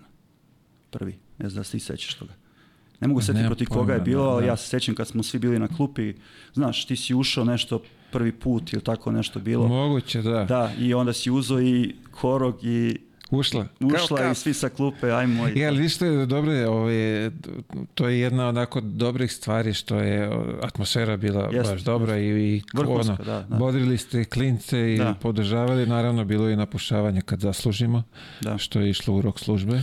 Da, Ma mislim da smo imali i super atmosferu generalno, znaš, bila je uvek... uh, Uvijek je bila zajebancija, Aške, naravno, Aškrvić, predvodnik. koji je predvodnik uh, svega dobre atmosfere, koja je bila i vrhunski igrač. Mislim, ljudi možda ne znaju kakav je on igrač bio. To je stvarno preteča tih četvorki. ovaj, Modernih ovih. Modernih, ali četvorki koji, koji su kao playmakeri. Tako je. Ja mislim, ja, ja pokušavam sada da nađem sličan tip igrača kao što je on bio, znaš. I on je igrao kao playmaker. Stvarno, on je sve video. Prenosio loptu, Jeste, i oni nikad sećaš da je- da je to dvojica, bilo- pick and roll igrali, 4-5 Tu- igre pick ovaj, and roll. Da, Twin Towers, takozvani njih dvojica. Ali ono što je bilo, znaš, ja i on, on i ja smo imali neku saradnju uvek bez lopte sam ja, ja sam trčao, sećaš se tad ko, ko blesav onako i ovaj kao neki back screenovi i ostalo, a utrčim, on me vidi uvek, znaš, tako da sam imao mnogo lakih poena zbog njega. Ovaj, jer on je sve video i mislim da je bio stvarno vrhunski igrač i ta četvorka kojih nema u, ovo- u ovo vreme ovaj, sa tim talentom koji on imao. Bilo je, je, istina. Istina, sećam se, lepo je, ovaj, stvarno, kad pogledaš sad, prevede loptu, organizuje i Sve, napad sve, da, da. i... Da, da, Još ako je pressing neki na, na, na tebi ili na tu je- Boki tu koji je je tad bio, bio, da, on idi tamo, prenese vamo, je loptu, ostalo sve nas usmeri. rasporedi. Da, jer ja, znaš kako, ja u to vreme, ja nisam bio, generalno ja nikad nisam bio klasičan playmaker, znaš, ja sam imao tu visinu i ostalo i mene su s razlogom gurali da igram playa zbog visine, jer to bilo, znaš, redko, nije bilo mnogo visokih playmakera, međutim, ovaj, a, a, on je uvijek bio tu, da kažem, nešto da pomogne oko tog organizovanja, ali ja sam posle se, da kažem, profilisao kasnije kao, kao play, ovaj, a, ali sam igrao i dva kasnije u, u daljem toku karijere. Međutim, hoću da kažem da taj tim koji smo imali tih godina je stvarno bio izuzetno kvalitetan s tim igračem koji smo imali, ti kad si došao, pomenuo si to, a pogotovo te godine imali smo na svakoj poziciji dva odlična igrača. E, pazi, ali te, te moje prve godine kad sam ja došao, to ozbiljan rezultat, to je nešto bilo, prvi smo bili ubedljivo, ono, kako zove, Winston, KLS, kako god izvala ta Da. liga u tom momentu, nema pojma, smo nešto zaređali 15, 16 pobjeda Da, za, za da. redom u, Da. u nizu. Još je bio i Evrokup. Jeste, u Ulep kup. Ulep, Da, ne, kako se Ulep? Ulep se Ulep, zvao, da. gde je isto bio ono, beton, koliko je bilo jako takmičenje sa jakim ekipama, ovaj, drugačiji sistem skroz, ali igralo se i na razliku kad prođeš uh, drugi krug, sećaš se, bilo je koliko, po, znaš, ono, na razliku se igra, a, ali jaka liga, To je kad smo ispali od Pamesa. prvo smo, ne, od Juventuda, ne, izvini, od Pamese. Je li tako bilo? Prvo Pamesa. Pamesa, pa je sledeće Valencia. godine. Da, pa sledeće godine bio Juventud. Da. Ovaj, ali, Tamo Tomaš, Oberto, a, ali tako? Tako je, to su bili njihovi centri, da. Bernard Hopkins, s kojim, s kojim sam igrao kasnije u Španiji i tako dalje. Ali ove prve godine je bilo u jako us- uspešna sezona, smo igrali, ovaj, uzeli smo kup. Tako je. Uzeli smo kup u Nišu protiv Hemofarma sa Darkom Miličićem i, ovaj, a, i došli smo do finala, smo izgubili od Partizana, dobili smo zvezdu u polufinalu, igrali smo odlično cele sezone, međutim, eto, Partizan isto te godine imao izvanrednu ekipu, Miloš Vujanić, Krstić, eh, Kecman, Čanak, ovaj, tako da, bilo je stvarno i kvalitetna košarka, mogu tako da kažem, te godine pogotovo, i taj kup i posle ulep kup, što smo igrali, mi smo doveli pa meso, ako sećaš, sa Albertom i Tomaševićem, to lagano ovde u Beogradu, ali smo izgubili tamo u Valenciji, ovaj, tako da je bila dobra sezona, da. Ne, ne, ozbiljna sezona i ono, za mene je lepo iskustvo. Znaš, ja prvi klinac da, da, da. ušao u prvi tim, pa to kao putujemo Da, da, da. ovamo, putujemo Da, tamo. da, da, jeste. I je da ste imao obavezu, mora sam čekiram vas sve, ovaj, sve torbe na, na aerodromu, sve kod mene tamo. Dok Da, da, da. Bio sam onaj za, da ubacujem sve torbe. Ali dobro, došao je tvoj red ubrzo. Pa dobro, da. Mislim, tamo se nekako to brzo, ovaj, Jeste, brzo se sm- smenjivalo. Da. Jeste, smenjivalo se i to je po meni pravi način da na mladi igrači dobiju šansu odmah, da se bace u vatru, da se vide koliko mogu i ovaj, mislim da je to bilo dokazano, taj sistem da funkcioniše.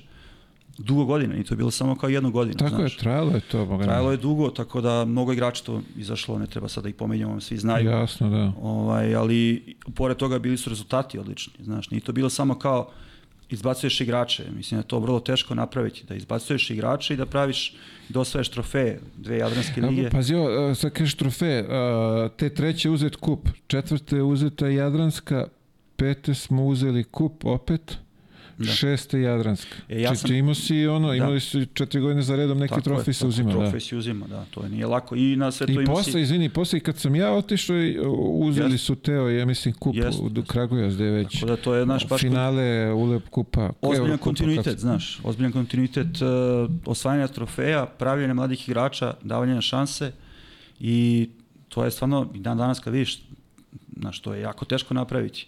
I to su bili sve domaći igrači. Da. Dobro, imali smo po dvojicu. Izvini, bio je Reggie. pričam ja za, da, za moje, bio je Reggie Freeman, Da. naravno. Posle kad ste vi bili, Bio je Reggie, Kimani, Friend, Kimani. bio je Bryson, ali tako? jeste, upravo si, on je posle došao. Kad je on Posle došao? došao. On je, pa on je došao nešto na kraju te godine, kad smo osvojili taj kup, tu si pomenuo ovu sezonu. Ali Reggie je bio, da. Legenda grada Beograda. Ali vidi, ti si ovaj, s njim se družio, ti si ga vodio kroz grad, upoznavao, yes, tako je? jest. Ispravi me ako grešim. Jeste, on kad je došao, znaš, on je iz, iz Bronxa, iz Njorka. Je li tako? Bronx, ja Bronx, mislim, da, iz Njorka da, je sigurno. Da, iz. Njorka jeste, ja mislim da si pravo da je Ovaj, i Bronx. I sad on kad je došao, sećam se prvi dan, on je pre toga igrao za Cibonu. Tako je. I on kad je došao, sad sećam se da je, da, da je bio smešten u hotelu prvo u Železniku. I, ovaj, i sećam se da sam mu rekao šta god ti treba, pozovi me. On me zvao bukvalno posle, ne znam, pola sata, razumeš? Kao možda dođeš po mene, ovo ono, rekao mogu naravno, tako da odveo sam ga kući prvo u Zemun na ručak. Ovaj, sećam se od toga sigurno. I onda sam a, I stani, vodio kad ga po gradu i tako dalje. kad spominješ taj ruč, ručak kod kuće, Da, to beš ona priča za, za sok? po, podsjeti me. Ne znam tačno. Vidi, ako se ja toga sećam da je, da je, da je ovaj, vodio si ga kući, da li je bio onaj sok na onaj razblaživanje nešto, Ne. da je, da je bio nešto, neka priča je Ne bila za da, to. Ne da- znam, da o- se možda je je- on vama pričao da ja ne znam, ali nije bio na zbraživanju sigurno. nešto, ne nešto, ne, nije mu bilo jasno, Nije mu da bilo šta, jasno, šta da, da, da. pijemo, ovo, šta su mi ponudili. Pa nije sigurno ko u Njurku, to je 100%. to, je, to je sigurno, da. Ovaj, ali da, ono, prvih tih nekoliko par meseci, u stvari prvih par meseci smo bili baš stalno zajedno i ovaj, pomagao sam mu dosta oko, mada sam on snašao posle toga, kao što znaš.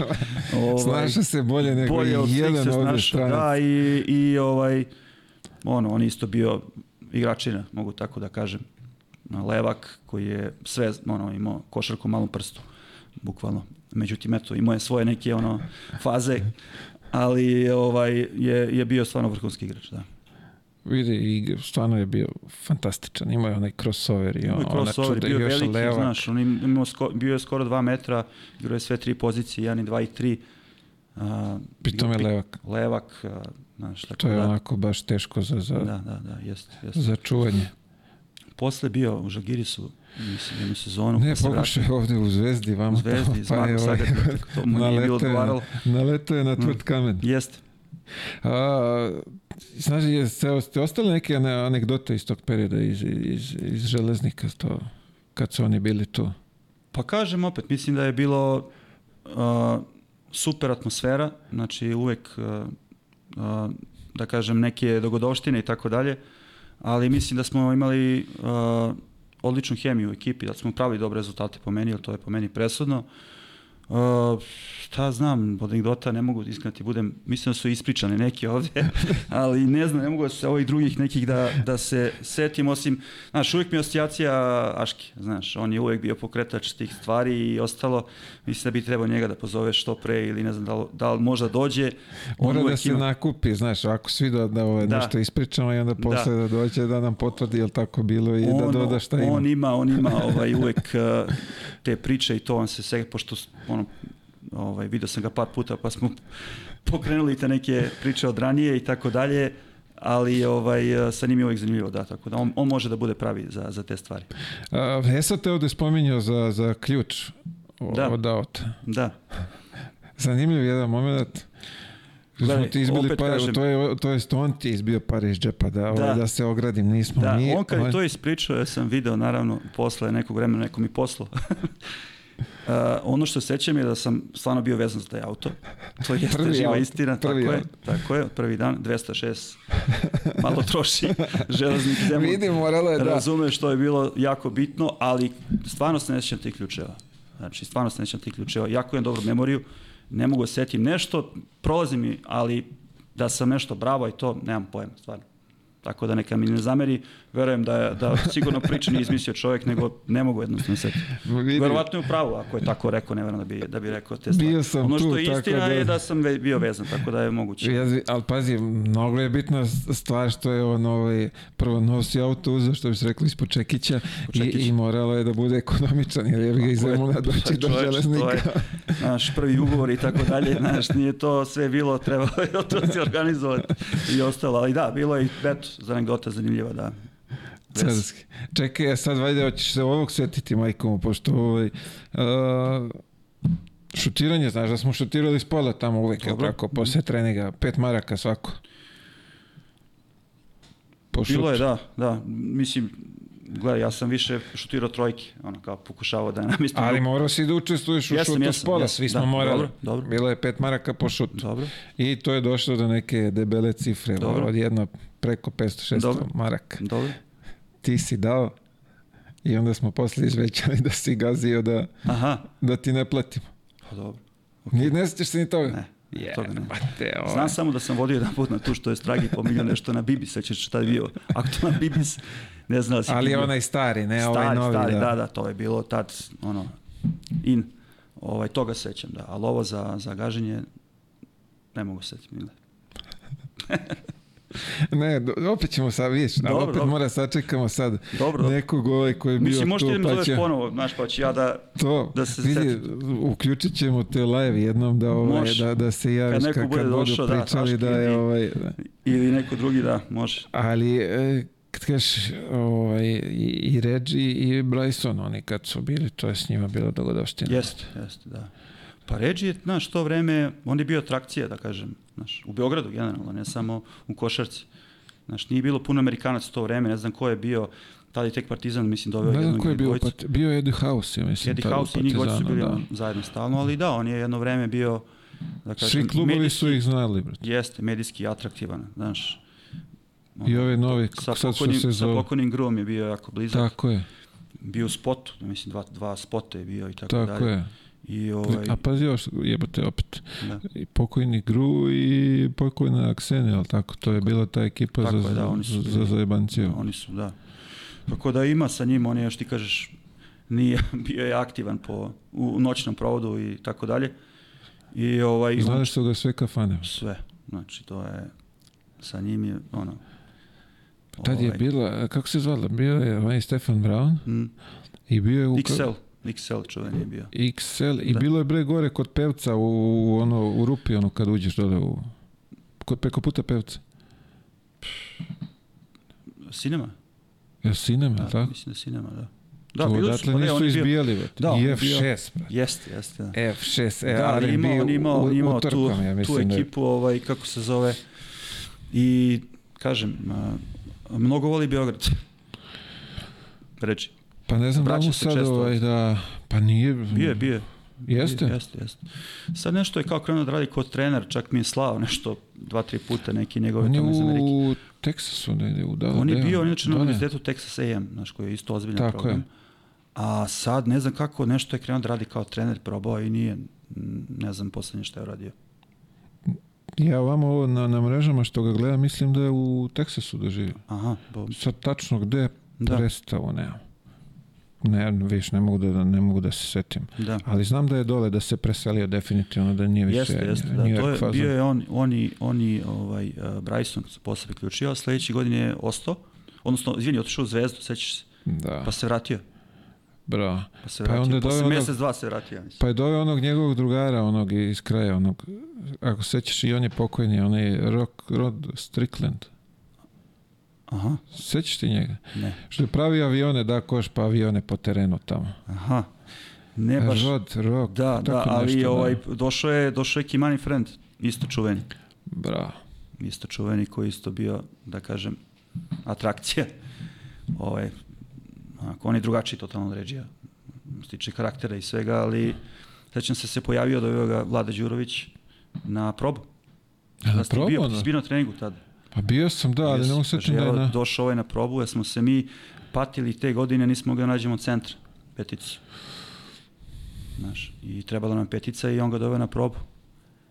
I ovaj se pojavio i krenuo je da, da lomi obruč. Da lomi obruč, da. Da lomi obruč. Či Znači, je- bukvalno je čupo sve On živo. je bio stvarno, da kažem, ono, atleta, jak. eh, Znaš, on je bio neki, nek, u jedno vreme na nekoj granici kao da ode u NBA, znaš. I bio je valjda što Memphis, nemam pojma, jedno vreme, da. Međutim, posle ovaj, došao je ovde na probu i tako je krenulo sa njim. Pa dobro, da, da, vidi, no, dao je on onako dobre rezultate što se Kako toga nije, tiče. znači, Da. kako nije, on je, on je bio stvarno, da kažem, uh, igrač koji daje to što, što treba ekipi, znaš, energiju, skok, atletika, sve, sve to što ima, znaš, što je. i bio je težak uh, za čuvanje sad, ovaj, mislim da je bio mnogo korisniji unutra, nego, znaš, on se ponekad izlačio da šutira Da, da. s polja, pa Pa nije baš bio neki a šuter. Đure je ludeo s tim, ako se sećaš. Tako da, ovaj, uh, bio je, sigur, bio je odličan igrač te godine, je bila možda po meni i bolja sezona nego prethodna. Pa vidi, ajde ovako, jeste, smo osvojili Jadransku ligu. Da, tako? i ovaj, došli smo do polufinala Ulep kupa, tada, to vreme, ako se sećaš. Tako je. Ali opet zahvaljujući njemu, kad ga već spominješ, nismo ušli u finale. Nažalost, Kako ti ovaj, imaš aj sećanje na to polufinale i taj dvomeč sa... sa...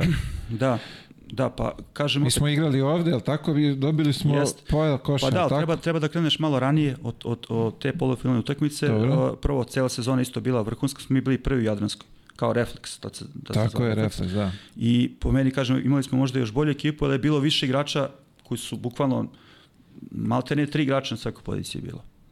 Ovaj, bio Boki Popović, uh, ja, uh, Krstović na tim pozicijama bekovima. Tako je. Krstović, Jorović, uh, Reggie Freeman, uh, Vule Mandić, uh, jo, ovaj, kako zove, Milan Majstorović, Vanja Korisnić, Tako je, Vanja, Mića. ti, Aške, uh, Kimani Friend, da neko ne zaboravim, bio Mali Vasić isto. Vaske, bravo. Došao je Saša Stefanović isto. Bravo, da, on je došao bila isto pred ekipa kraj, 15 da. igrača, svi su mogli da igraju, znaš. I, ovaj, I onda smo, mi smo se prošetali, ako se sećaš, kroz grupu i tada mi smo i tukli Hapoel dva puta, lagano, po 20 razlike. Uh, ali imali smo mi uh, nešto smo u, u Badaloni, nešto bio neki šut. E, sad šta Sale, je bilo? to- je, smo da, nešto- to je bilo ovaj, ko- kasnije, a, pre, u stvari pre tog Hapoela, jer smo mi Hapoel dobili dva puta koji ima odličnu ekipu. A, Ricky Rubio, ali tako bio tad tamo? ko? Ricky Rubio. Nije, nije, nije. Bio je, U bio Juventudu. A, u Juventudu da, u Juventudu da, ali u, u Hapoelu je bio Vili Solomon, Vili Sola. da, Tunđija Vođobi, Kelly McCarthy, to su sva tri igrača koji su ono, klasa. I ovaj, a, mi smo i, da kažem, lagano dobili u grupi dva puta, ali smo bili kompletni. I onda smo naišli na Juventudu u četvrtfinalu, bio je, tada je bio pomoćni trener Zvezde, Kailes Marko, playmaker. Mhm, Levak. mhm, mhm. Alan Digbe, Francus, Jean Tabak, Šan Tabak, bravo. Nikola Radulović, a, Rudi Fernandez je igrao za Juventud kao, i tad je igrao, imao je 17 godina u to vreme, mislim, ili 18, on je 86, 18 godina imao. Znači, a trener je Aito bio, a pomoć trener Plaza. I, ovaj, I mi smo ih u prvoj utakmici a, dobili u železniku osam razlike i ja sam tad povredio, ako sećaš. Pao mi Kimali na nogu i promenio mi tok ovaj, svega, karijere možda. Ovaj, ušao je ovaj, uh, Radulović, taj uh, krilo je igrao, na baseline je ušao i ide na polaganje, sećaš se, ovaj je skakao uvek i lepio je sve to, znaš. On je bio neviđeni bloker uh, Kimani. I ja nešto rotirao da izađem ispred tabak. I on, faul napad i padne mi na, nogu, na, na desno koleno i ovaj MCL, taj medijalni kolateralni ligament desne noge mi je puko. Ja sam kao probao da trčim, zamisli, no- noga mi je išla levo desno ovako. Nisam ve, mogao da verujem da mi je povredio tad, ono, naš mart mesec najbitniji pred sve, bilo olimpijske igre, ja sam tu nešto bio na spisku, imao neke nade i nešto, znaš, međutim, poslao me na bolovanje uh, od dva meseca i ja sam propustio taj, taj hapol posle toga, a pre toga je bio utakmica u Badaloni gde je Sale dao Stefanović trojku za produžetak. Pro- Jel produžetak beš? Da, i onda Da. produžetku smo ih dobili i ovaj, plasirali se u polufinale. I u polufinalu nije, nije igrao Freeman, nisam igrao ja, Kako Freeman? Freeman imao stres frakturu stopala. Pravo, on je posle išao na operaciju, ali tako beše? I nešto Da. je imao da... I ovaj isto, Kiman isto nešto, seća se šta je bilo, tako da... Pa dobro, vidi, priča Tako da ide da je prodao utakmicu, što je logično jer nije hteo da igra kad smo otišli dole. Da, to je bilo tri igrača iz petorke, to ću ti kažem. Tako je, Na, sa njima igrali smo na jednu loptu, dobili smo nešto u pola koša u železniku. tako je, Vule, smo, Vule igrao odličnu utakmicu, ako se sećaš, Mandić. Dole Ovaj, smo izgubili tri, jel? da? I tamo smo izgubili, za Boki imao neki šut na kraju, ovaj, ono, u njihovom onom ambijentu, igrali su onoj maloj hali. Da, Tako da, su da. prošli u finale. A poenta je da su oni uzli, dobili su Real. Uh, I tad je ekipa koja osvaja ide u Euroligu. E sad, da smo mi dobili Hapoel, smo prošli, bila bi priča da, da bi izborili Euroligu, zato što Real je već dogovorio te godine da, znaš, odnosno finalista bi igrao, to ću Da, da, pričalo Hapoel je se. posle odustao i nije igrao, igrao je Real Madrid samo. Pričalo se, da. Da. Ali celo ono putešestvije dole u Izrael i kako to sve izgledalo. Bilo je super Jer, zanimljivo, da. Vidi, nikad više policije u životu nisam, Da, nisam imao oko sebe. Meni je ta eto anegdota jedna, sigurno je, stvar, znaš ja mislim, mislim to je, ja to pričam ponekad, mi to stvarno onako bilo, ovaj, kad smo išli na najsvetije mesto na svetu, Da, da, da. u Jerusalimu kad smo igrali, ovaj, kad smo išli u crku a, a, i u Hristova groba, i ovaj, kad smo došli ispred male kapelice, gde ne možeš da uđeš tek tako, znaš. I, ovaj, i sad mi, Đura, pošto je Đura jako pobažan, a, vodio nas je da se pomolimo pre utakmice za pobedu i prolaz i za Euroligu, razumeš? I kao ajmo, svi idemo ovaj, i sad mi stajemo ispred uh, ovoga kapelice i sad tamo je mrtva tišina, znaš, niko, ništa ne smeš da pričaš. I ispred su neki grčki sveštenici s kojima Đure odmah ušao u komunikaciju, rekao mi smo ekipa, treba nam da uđemo i tako dalje, oni su rekli nema problema, samo budite tihi da sve bude u redu. I ovaj, mi smo tako stajali, sad mora se nagneš da uđeš unutra i Kimani je zvekno glavom u, u, u Kandilo. kandilo Tako i je. prosulo mu se ovako po i krenuo nešto da vrišti, nemam pojma. I ovi su se pobunili, ovi sveštenici, tako da šta vam jeste normalni, znaš, ovo, ono, i ovaj krenuo da se briše i Đura, ono, gleda, ne veruje šta se dešava, znaš. I mi izgubimo pola koša i Đura tvoje krivica što smo izgubili. ti si, kaže, udario glavom, kao eto, kao znao sam da će tako biti. Zna. to mi je ostalo. A sećam da, sad kad si ispričao da, da, mu se kao, si- kandilo na ti si glavu. prodalo, kako si mu udariš glavom, kao tamo si našao da udariš glavom. Eto, izgubili smo utakmicu ovaj, za polo koša zbog toga, kaže, to je bilo... Dobro, vidi, on nije ni igrao dole i ono je Da, da, nešto je bio povredio se, odjedan put se ta stvarno povredio. šteta da. što smo mogli da, što, mogli smo da prođemo, znaš, bez obzira na te po, ovaj, povrede i što smo imali, ali bili smo mnogo bolja ekipa od njih. A Final Four u Zagrebu? Nisam ja bio, to, to zbog povrede. Čekaj, nisi ni putovao nisam? Nisam putovao, zato što sam bio na štakama. O, okej. Pa nisi došli ni na finale? A, pa nisam mogao, bukvalno. Znači, bio sam kod kuće, gledao utakmicu na TV-u, ali ono, gledao sam i ako me pitaš za utisak, sećam se svega. Da, da, da. šta je da. bilo, ja sam- Jeste, o, je, pazi, imamo, ima ona slika naša sla- slavljenička Dobro. Iz, uh, gde smo bili, ono? iz Zagreba. Ne, ne, A, iz Zagreba, sa terena. Nisam ja bio, ako pogledaš sliku, mene nema. Da, ali ima jedan tip koji je nekoga je zaklonio rukom i ne vidi mu se A faca. mislio Jer ako sam ja. 100% je ovoga Nisam, dole leži, nisam, nisam. nije. Nisam ja putovao uopšte tamo, nisam išao. Da. A je, vidiš, šteta. Ali je bila, a dobro, ovaj. Uh, ti posle toga odlaziš za Ja sam te Olimpijakos, godine, da, za Grčku. otišao sam Olimpijakos. Znači, to je 2004. godina. Čujeno pitanje, izvini, pre nego što kreneš, ovaj, obeštećenje, očigledno, ovaj, moralo je, nije Moralo moglo je da je drugačije. meni ostalo još godinu dana ugovora tada i naravno bilo je ovaj, politika kluba da se prodam, što je i bio slučaj i tako da sam ja celu godinu tu sledeću deo deo ugovora morao da platim od, od svog Logično, kao kako je Jer taj da. Olimpijakos ist- istine radi, on je bio i, da, i jeste ovaj, vrhunski klub i vrhunsko ime, međutim ta 2004. 5. nije bio ko što je sad, znaš, oni su igrali Euroligu i sve, a međutim nisu imali taj novac, znaš, tako da sam ja morao da... Oni su par godina posle već počeli da plaćaju i za Miloša Ja sam, i za ja sam prvu su... godinu, tu 2004. 5. to je bila prva godina kad, je došla, kad su došla braća Angelopoulos. Aha, aha, Znači, to je aha. bila prva njihova godina, te moje godine kad sam ja došao. Do tada je bio Kokalis, eh, grčki ovaj, vlasnik Olimpijakosa, a njima je to bila prva godina. I sad eh, tu kreće ta priča, stabilizacija i ostalo.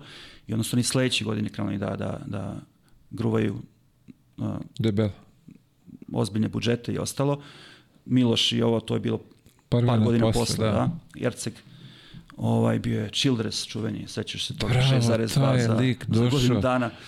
Znaš, ovaj, međutim toga više nema, na što je bilo tad to, jer su oni, znaš, imali tu politiku u to vreme koja je bila, eto, takva kao što je bila, ali nije dala rezultata zbog titula, znaš, nisu osvojili ništa i onda je došao A ne može, a, pazi, kroz istoriju kad gledaš, ne može preko noći prijatelju Ne može, ko- zato sam ti ja koliko god da pomenuo, zato sam ti ja platiš. pomenuo njih ovaj, uh, uh, sad, ove sezone. Ove, oni imaju totalno drugačiju politiku odnosno na tad, na primjer tih 2007-2008. Oni prave vrhunsku priču, ali imaju bazu i samo dodaju nešto što im fali možda i tako dalje. da. Rade planski, znaš, i to je pravi način. Svi klubovi koji rade na taj način imaju prednost po meni da prave nešto, a ne sad ono kao udri naš budžet i ostalo. Mislim da to mi nije imamo sigurno... taj primjer i ovde kod nas, da ne može da ga našpricaš za godinu dana da... Mislim da uvek treba strpljenje za, za to i Što bi se reklo, treba onaj uh, olimpijski ciklus od četiri godine. Da li četiri, ne znam, ali ovaj, treba sigurno neko vreme da, da ti praviš uh, rezultat, treba da veruješ to i ako bude i poraza i ostalo. Ovaj, to je, na primjer, ti godine imao Panathinaikos, tih 2004. 5. 6. sećaš se. Znaš, tako da oni su imali tu bazu grčke igrače sa, sa Željkom i ostalo, samo su dodavali nešto i ono, bili su ubedljivo najbolja ekipa. Mislim, jedna od najboljih u Evropi. Tad, u to vreme i šampioni koliko puta. Da, oni su, da, i tri po krune su uzimali, šta već nisu. Italija, e, izvini, pomenuo sam Dimatidisa ovaj, malo pre, Iraklis, taj prvi kontakt, a 2004. je ovaj, uh, to bila prva njegova godina u, u Panathinaikosu. On je došao kao MVP lige iz Iraklisa, baš koji sam pomenuo. Tako da bilo je zanimljivo za mene ako me pitaš iskustvo to Olimpijakos i to kako je, bilo je stvarno bez obzira što je taj tim naš nije bio sad ne znam ja koji ovaj, nije bio jak ili bilo šta, međutim imali smo dobre igrače, znaš, bio je Du, Dušan Vukčević koji je otac od Tristana, a, koji je bio vrhunski igrač isto tako, tako da mi smo bili ovaj, cimeri to vreme. A, Milan Tomić, On je tada igrao ili je Pa završio? to je zanimljiva priča. On je, on je bio trener jedno vreme, znaš. I onda se vratio da igra Te godine. te godine. I posle igrao još par godina, mislim, ili godinu i po. I onda je se vratio u Olimpijakos i nastavio je svoju uh, funkciju u Olimpijakosu posle toga. Kao funkcioner, kao trener i posle došao u Zvezdu. Tako da je Milan u stvari najzaslužniji što sam ja došao uopšte u Olimpijakos, iskreno. Zvezda? Da, da, on me je doveo. Svakom I čast. hvala mu na tome. Hvala, hvala mu.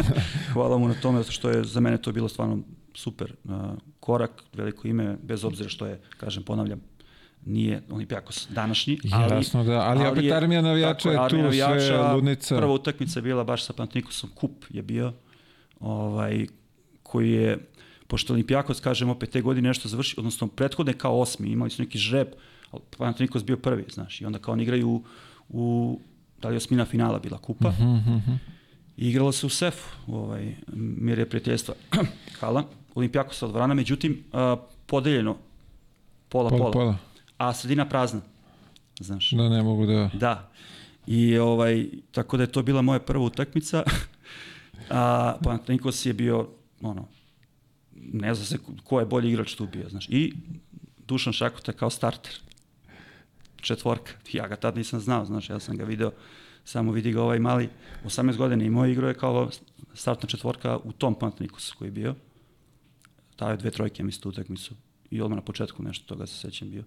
Ali bio je Mike Batist, uh, Jaka Laković, uh, Dimantidis, uh, ovaj bre, Middleton, Femerling, Da, znaš, kako imeno. strašno. I ovaj, tako da smo izgubili četiri razlike, 48, 44 bio rezultat. Jeste, Grčko-rimski stil koji je da. košarkaški. Ali to je bio prvi, prva utakmica moja i prvi onako utisak.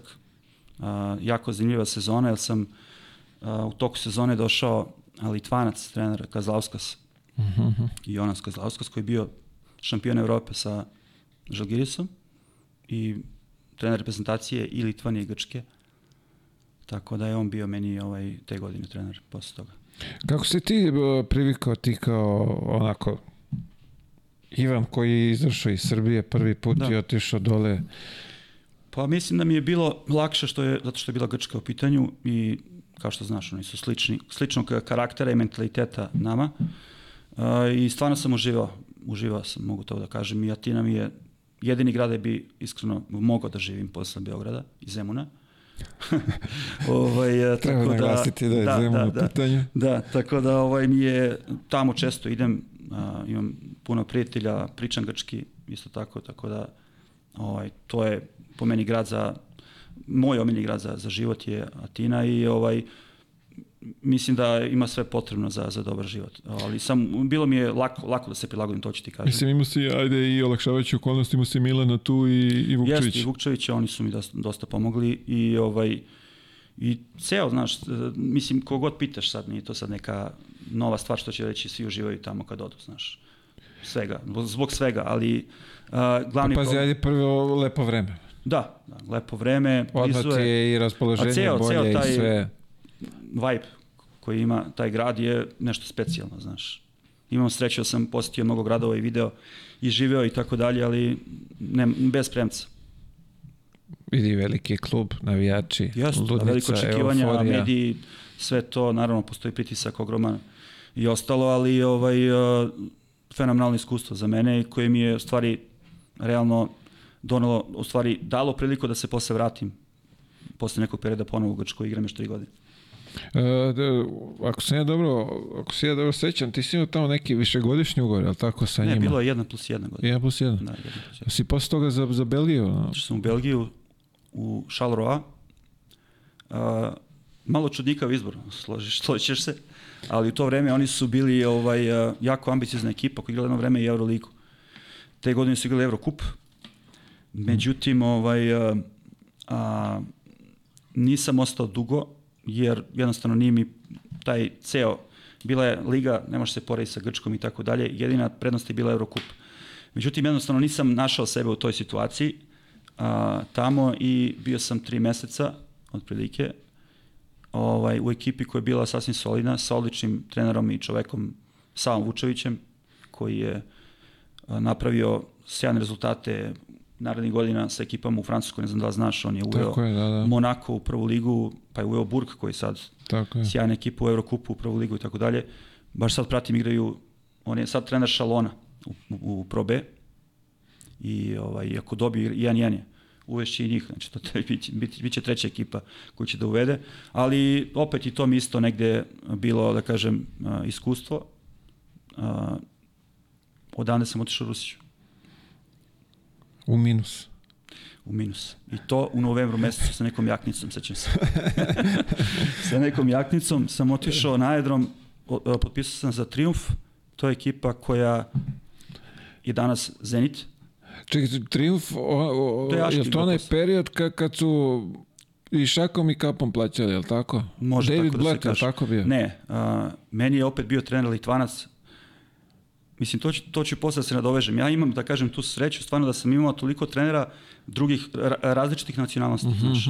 Stvarno, m, ovaj, od naših, naravno, preko daću ti posle listu da vidiš ko je to, ovaj, svi bukvalno, svih, iz svih zemalja sam imao trenere, ali te godine mi je bio trener ponovo Litvanac, koji je bio samo te godine trener i više nikad u životu. Ja nemam pojma kako su uspeli da... da Kako misliš nikad više u pa životu? nije prvu ekipu trenirao nikad više. Znači, Zajebaš. da, da. Bio je nešto Na trenirao foru, žene, to je nešto na... ne znam, Da, idi mi, dođi mi. ne znam. Uglavnom bio je on i, i uh, ta ekipa Triumf, jeste, oni, oni su posle nenormalne ovaj, ugovore davali i tako dalje, bio Aškabić, posle bio Krstić. Tako je, da, ali znači ti si uhvatio Pre, pre... toga, pre... godinu pre toga sam ja bio, znači 2005. 6. I to je danas Zenit, ta ekipa, oni su se prebacili u San Petersburg. Ali ono, nova hala, ono, dobri uslovi i tako dalje. Ovaj, opet je tu isto mnogo zanimljivo iskustvo. Ja sam igrao sa uh, dosta igrača koji su onako manje više poznati, ali Rusi. Uh, uh, ovaj, kako se zvao?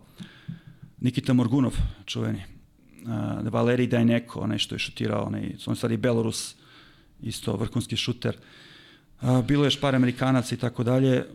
Onako, isto zanimljivo. Liga je bila mnogo jaka. To je ona stara, ono, Rusi, nema VTB, tad nema, nema VTB, ništa. to su To bili je samo ono... ruski klubovi i uh, CSKA koji je bio neprikosnoven sa Mesinom kao trenerom. Mhm, mhm. A, Unix je tu nešto kao mogu, ali na što se znalo, to je CSKA i do bilo je, ali bila je jaka liga. Mislim, stvarno onako ekipe koje su bile ozbiljne i sad ti kreneš, nemam pojma, u Sibir, to je turneja ko NBA, znači odeš, nemam pojma, a, Krasnojarsk, a, Vladivostok i sad Vladivostok. ostaneš tamo, znači preko puta Japan. I A ovaj, ti došao na, u Rusiju da igraš. bukvalno, znači 7 dana turneja i odigraš koliko možeš utakmica, 2 3 koliko smo igrali. Kako Putuješ ste 9 sati. putovali? Kako ste putovali? Ovako. U Avion avionu, ili- ili avion, voz? Avion, avion, ne na avion. Znam da ima avion, mali da... neki avion koji je bio ovaj, ono, Kao čarter? Ne, Redovna linija? redovno linija. 9 sati.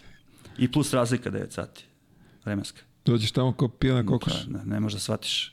To je stvarno bilo i opet to, znaš, sve ulazi, ono, ja, ja, ja sam, uh, ovaj, drago mi je što sam prošao sve to. Ima, ima anegdota da je CSKA nudio, kako se zvao playmaker grčki što je igrao za njih? Papa Lukas? Papa Lukas, je li tako? Da. Novi ugovor, tipa sad ne znam koliko miliona, vamo tamo, i ovaj kaže, može, ali da ne putujem za Da, da. Vladivostok. I onda je bilo, a, evo, još 300.000 da, da putuješ. Pa moguće. Da je moguće da su svi, da je toliko teško pada da odeš. Pa ne znam, gledaj, da, da je kažem to opet ono na- gostovanje koji svi, koje svi izbjegavaju. To je, rekao, rekao, kaz, gledaj, CSKA a, je išao ovaj, a, sigurno čarterom, znaš. Ne verujem da su oni išli redano. Dobro, oni imaju svoj avion ono godinama. Da, Da, da. duše, mi smo, jesmo išli jednom. A, ima grad, zove se Surgut. Da. To Išli smo pa tamo. bilo išli je smo- naših igrača tamo, Bilo tako da, da. da. Ko, ko je bio? Je- Đora, tako beš? Ne. Jeste, mislim da jeste. Đora. Da, da, da, da, je. Nino je bio tamo. Nino. Da, mislim da on bio tamo, jeste. Tako da smo tamo išli ovaj, čarterom, ali ovo ostalo, kažem ti, bilo je redovna linija, znaš, neki Novosibirsk, znaš, tako Da. nešto, ono, bila je ta ekipa isto tamo. Ovaj, međutim, liga je bila jaka, kvalitetno prvenstvo, igrači isto ono, vrhunski. I, ovaj, i izvini pre, Dinamo Moskva isto, sa, sa Dudom.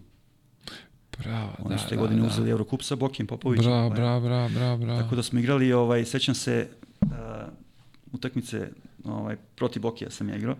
I sad Boki je bio vrhunski odbranbeni igrač. Znaš sam. Znam. Padne čovjek pa u napadu kad, kad nećeš. I, ovaj, i sad uh, sećam se anegdote. Mi smo ih dobili dva puta tad.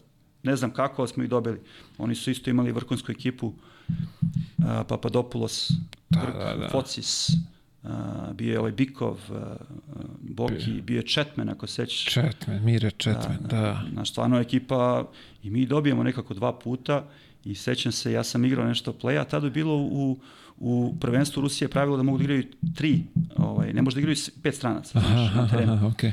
I sad ja play, sad nemam pojma nešto gube, nemam pojma i ovaj, a, na, dera se na, na, na Bokija. Priđi, znaš ovo, znaš, nemam pojma, a ja Bokija znam kako on pada na faul napad kako se postavlja, razumeš? I, ovaj, I bilo mi mnogo smešno kako je jurio ja rekao, Boki, nemoj, znaš, da staješ levo, desno, znam da ćeš da padneš. Tako da ovaj, je bilo... Nemoj meni te fore, prošli ali gledaj, ovo je, o, to si mora dobro da ga poznaješ kako on to, to radi, inače Uh, mnogo je, ovaj, kad te uzme ono pod svoje, Šta ti je slod? to je, Kod njemu pa, leđa... jedan faul, faul napad, znači to je sigurno.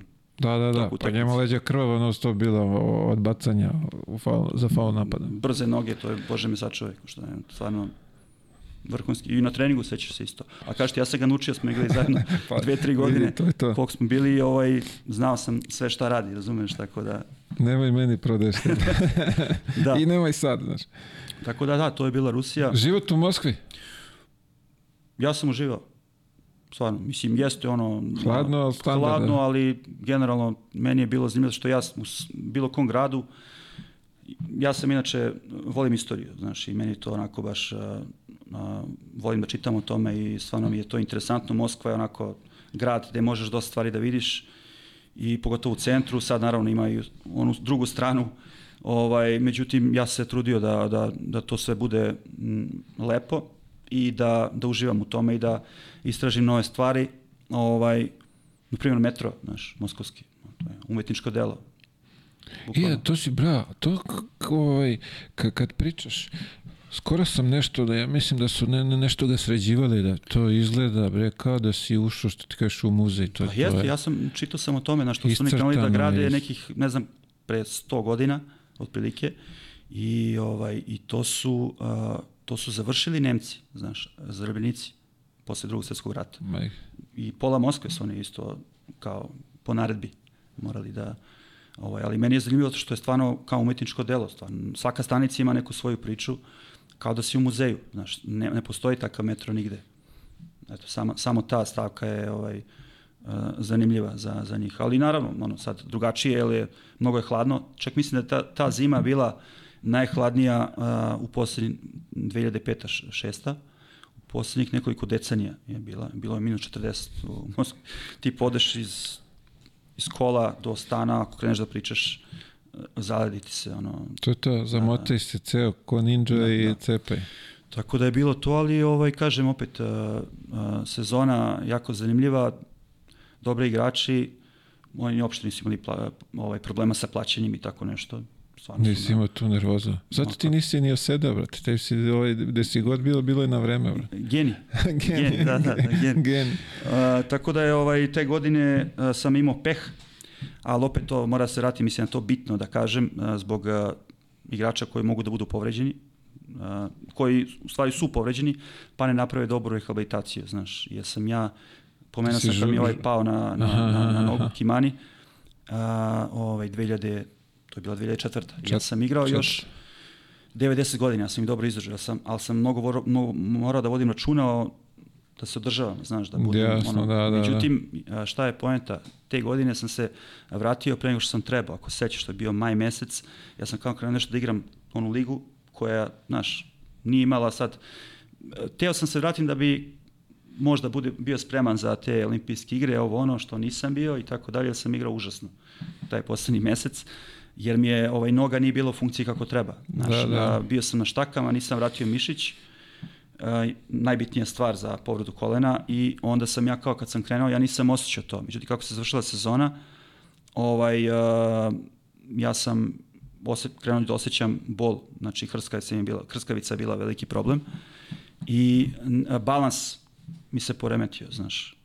Vidi, tu, tu upravo si, mnogo je bitno ovaj, da, da... Mnogo je bitno da se oporaviš kako treba da se Tako oporaviš, je. koliko god vremena treba, da se ne vratiš, znam, naravno, ja sam Svi prvi hteo- hoćemo da i što Jeste, pre da ja se vratimo, prvi, da ja sam prvi ali... hteo da se vratim, ono, napravio sam grešku, ja sam mislio, ja kao mogu ja nešto tu ranije, ne znam ni ja, ne osjećam ništa, dobro sam, međutim, ovaj, U to je suštini narednih poenta je da ovaj, treba gledati malo na duže staze. Tako je, tako je, to je Na- bitno i ja sad to Neće upotrebljavam, ništa ti pomoći ako se vratiš tu nedelju ili dve ranije. to upotrebljavam sad u ovim razgovorima sa mojim e, klijentima koje zastupam, šalim se s njima pa im kažem, znaš, ja nisam tipikno samo agent, znaš, ja sam i kao neka vrsta trenera, drugara, ali isto vreme i doktora, znaš. Life šta sam coach. se, da, šta je sam sve prošao i koje coach. povrede sam imao, znaš, jer oni tako pričaju, nemam pojma, s vremena na vreme, neko kao, e, boli me ovo, šta da radim, nemam pojma, ne znam ni ja.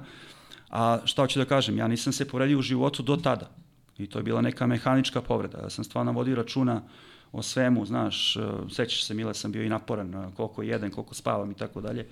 Ovaj, međutim, to, i ne bi se ni povredio, verovatno, nego to je bila mehanička povreda, pa mi na nogu čovek i Da, to ne može mi da... ligament. Međutim, posle toga, taj, zbog toga je ceo balans se poremetio i kad sam došao prvo u uh, Olimpijakos, krenulo da me boli ahilova tetiva na desnoj nozi gde sam da mi je pukao ligament, znaš. Štedeo si vamo tamo i onda trpe druge. to je Ajde to. ovamo, kreni ovde, nemam pojma i meni je ta ahilova pukla parcijalno u Rusiji.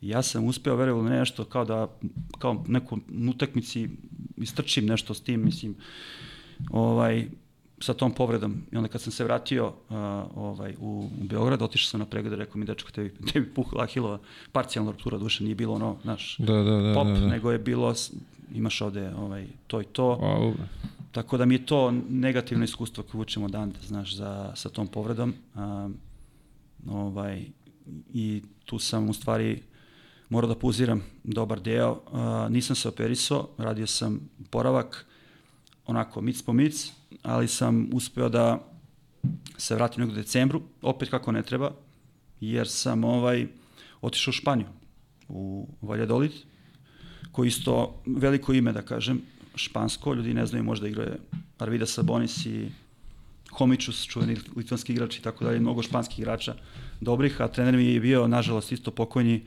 Javier Imbroda, koji je bio španski selektor i vodio je Real Madrid jedno vreme i na njegov poziv sam otišao tamo. Međutim, opet decembar, znaš kako, ne, ne treniraš, nisi u, ne Da, treniraš, nisi- treniraš, ali nisi nisi u u, ritmu. u ritmu i, us, znaš, izlazi, izlazi iz pobede, ove, iz povrede uh, Ahilove, što je teška povreda. I opet nisi, ne, nisi ti mišići toliko spremni i tako dalje. Poenta je sledeća, ja krećem da igram tamo, znači dolazim na sredini sezone, opet to nije kao kad krećeš sezonu, znaš, dolaziš kao neko ko je zamenio nekog i ovaj, ta sezona isto onako bila za zaboravila sam, ovaj, pukla mi je zadnja loža dva puta. To je to. Ne, ne, ne izlečiš prvu povredu kako treba i onda samo se ovaj, Tako, nadovezuje isto jedna na noga, drugu. Desna, i... desna noga, desna noga, opet ono, znaš, ja tad, a ja tad nisam imao neko da mi to kaže, znaš. Bravo. Nisam imao da neko Ali pazi, u tom momentu nije bilo ni bre toliko ovih uh, centara za rehabilitaciju. Ma. Ovde sad bre imaš toliko tih uh, ko- koji rade oporavak da je to Jeste, jeste, i i rade Bogu- vrhunski, ne da Bogu ono je da, tako, da, je fušere, bilo- nego To je bilo stvarno. drugačije tad, znaš, kao da, bilo je naš par, sećaš se bio na Igol, Igalo, ono, oporavak Da, da, Herceg Novi. da, da, bio sam Ja sam, ja čovječe. sam išao tamo to leto kad sam se povredio. Ja sam išao kad se vratio iz Amerike dole. Ovaj. E, Čekaj, i on beše pokojna. tako? jeste, Minja Bulut. Minja Bulat, da.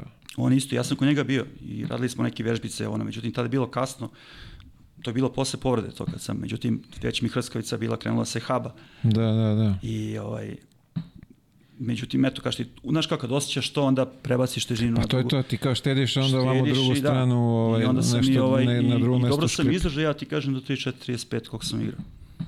Pa evo, ako ništa, bar ovaj, rekli smo da obrate pažnju na pažnju, rehabilitaciju ti, kad to, dođe do u toga. Španiji? Nastavljam se na to, pukla mi je loža dva puta.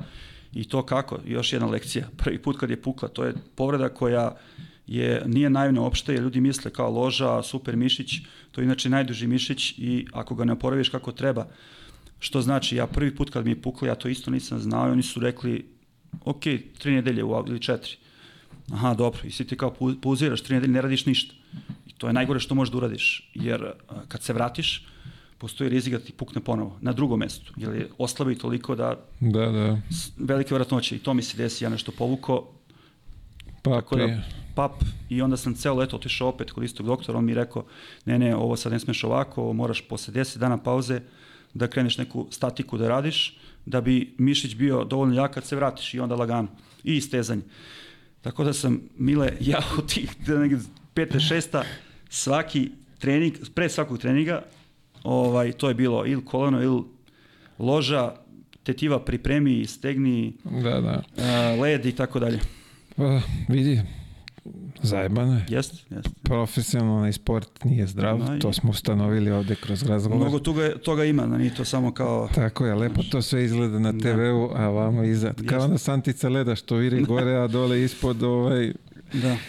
A, ajde ovako, život u Španiji, ovako, što se povreda tiče i košarke, to je baš onako bilo, Da. ali Španija za Pa život, vidi, meni je stvarno svuda bilo lepo, znaš, i u Španiji isto tako, to je grad koji je, a, provincija se zove Castilje, Castilje i Leon, to je dva sata od Madrida, u Španiji ne postoji po meni ružan grad, znaš, stvarno ne, ne vidim gde je, znaš, možda ovde je vreme bilo padala je kiša, ali šta sad, pada kiša, mislim, ne razumem. Da, ima se, upravo si, brate, lepo si joj rekao, da svaki ima neke svoje čari. Ima, da, ja sam struju da uživam tamo, ovaj, klub je dobro organizovan, kao i ovaj, većina tih španskih klubova, ACB Liga najjača u Evropi, tako da je bilo a, ovaj, a, super igrati tamo.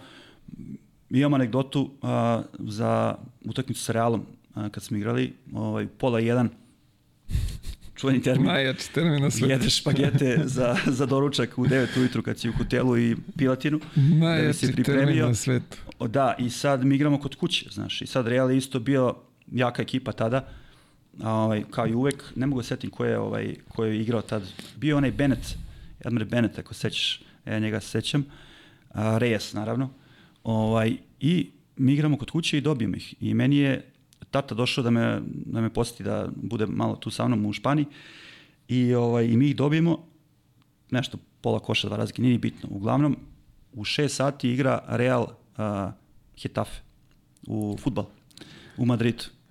I, ovaj, i sad uh, kaže on, daj bre, kao igra Real, futbal, daj vidi da, da idemo, znaš, kao došao sam sad, ono, razumeš, A mene ono, i tad sam isto imao problem sa ložom, rekao daj pusti me sad idem da vozim u Madrid, ne mogu dva sata, treba da nađemo tamo.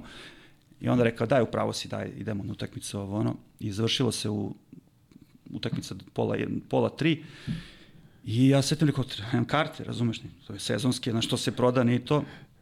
Čekaj bre, igrali smo s Realom sad, da da pitam, oni imaju te delegate i pitam ovoga delegata, rekao, treba nam dve karte za utakmicu da možda nam pomognete, nam date dve karte za, da nam nekako, aha, dobro, okrene telefon, kaže, čekaju vas dve karte na, idite na stadion i Santiago de Bernabeu i izvolite. I mi tamo i sećam se da smo nismo mogli da nađemo ulaz, da smo kružili zakasni na prvo polovreme, nekih 15 minuta, zato što smo dobili VIP karte. Da, Nisi dobili znao da- nisi znao da imali uđeš na- Gde da uđemo, razumeš, kao nama daju, znaš. I mi ulazimo i ovaj, ono, znaš, najbolja mesta koje postoje kada si u video igrici. Ćale, naravno, ono, u delirium, razumeš, eh, Pa, vidi. Real Madrid, futbal, znaš, ono, ja nisam neki fan, ali eto, o njemu je to značilo, tako da bilo super. I ovaj, sećam se, bio Capello trener i Beckham igrao. I bilo je jedan, jedan, pa su i mahali onim, a, odnosno njemu, maramicama, naš, bele maramice. Aha, naša, kao da odlazi, ja. fuera i to. Ovaj, tako da eto, to je, gledali smo i futbol. Pa vidi, prvo si ih roknuo ujutru, što da, se reklo popodne, dobili, na, da, na dobili. otišao. Da, da, dobro, i tako da je ceo dan bio super. Divno. Da. A, vraćaš se, što bi se reklo, tebi je onako Grčka, i sam si rekao, legla lepo i posle tri Jeste. godine, cel, koliko, dve, tri? A, posle sam ostao tri godine, a, posle Španije, tad sam posle tih povreda došao kući i rekao čekaj, nešto moram da uradim sa ovim, da vidim šta ću, tako da sam bukvalno od taj, mislim, bio neki 10. maj otprilike, svaki dan nisam uz, uz odmor uopšte, do avgusta meseca sam se spremao da zalečim prvo to što sam imao, pa onda se spremim i vratio sam se u Grčku da te godine u, odnosno naredne tri u Panionios, koji je isto veliko ime grčke košarke. A, te prve godine smo igrali Eurocup i ovaj, imali smo sasvim dobru ekipu sa igračima koji su posle a, postali jako poznati, da kažem, u ovaj, ko, evropskoj košti, dobra imena, da kažem. Jer šta, šta hoću da kažem, znači prvo uh, imali smo, bilo je tu promena par igrača, u Grčkoj je to normalna stvar, znaš, to je, ima dosta promena i tako dalje. Ja sam došao poslednji, zajedno sa, sećaš se ti verovatno, Antanas Kavalijauskas, Litvanac koji igra za Žalgiris sa Wake Foresta, inače, a, ovaj, američki džak, ali Litvanac koji igra Euroligu dugo godina, znaš, za, igrao je Final Four kad su igrali u Be Beogradu, centar. Okay, okay, da, da. I on je došao ruki, on je bio ruki. Znaš, i nadvo su poslednji došli, sećam se, vozi nas ovaj na planinu, tamo ovaj, a, bio je Janis Janulis petica, zajedno s njim, grčki isto ovaj, jako poznat igrač. Bio je ovaj mali Levon Kendall se zove četvorka, on igrao za Albu i za, u Španiji igrao i tako da on isto bio ruki. Dušan Šakuta koji je došao kao a, iz Panatanikosa kao prva četvorka a, i bilo su, bili su tu još Brad Newley koji je bio draftovan iz i, uh, ovoga Houston Rockets, on isto igrao u Španiji za Gran Canaria i tako dalje, tako da je bila jedna a, mlada ekipa, mogu da kažem, sa dosta potencijala koji treba da se razvije, znaš, trebalo je vremena. I oni su onda ovaj, imali playmakera, koga su doveli, bio je Gary McNamara, a, koji je bio paklen igrač, znaš, on je bio na Syracuse osvojio sa Carmelo Anthonyjem titulu, međutim, oni su ga doveli i nažalost smo igrali pick and roll non stop, a tamo nije baš praksa da igraju i on nije mogao se snađe zbog toga i nije ostao posle toga, ovaj, tako da su doveli uh, Ćapina. Ćapa, Ćap, dobro, da, tako mi smo bili te godine zajedno i došao je čuveni Lonnie Baxter, uh, centar, Lonnie Baxter. koji je bio vrhunski isto igrač, igrao za Panathinaikos pre toga. Tako da smo napravili nekako drugačiju hemiju, a, sjajnu atmosferu i dolazak novog trenera, to je Nenad Marković, koji je sada moj klijent. A, napravili smo vrhunski rezultat, da smo imali te godine um, isto četiri finale ULEP kupa, gde smo isto ispali od Valencije. Uh, a u prvenstvu smo se, ovaj, uh, došli smo, bili smo uh, treći i to na koji način uh, igrali smo ovaj, u Grčkoj je tad bilo Panathinaikos Olimpijakos igra Euroligu, a treći koji se igra za tre, igra se utakmica za treće mesto i to best of five se igra, znači na tri dobijene, uh, ide u Euroligu, znaš. I to je bilo, Marusije je igrao, Barzokas je bio trener posle toga, isto tako su zbrojali Euroligu, znaš. I mi smo igrali te godine sa Marusijom. Ovaj, uh, kako se zove, te, te godine smo igrali sa Marusijem.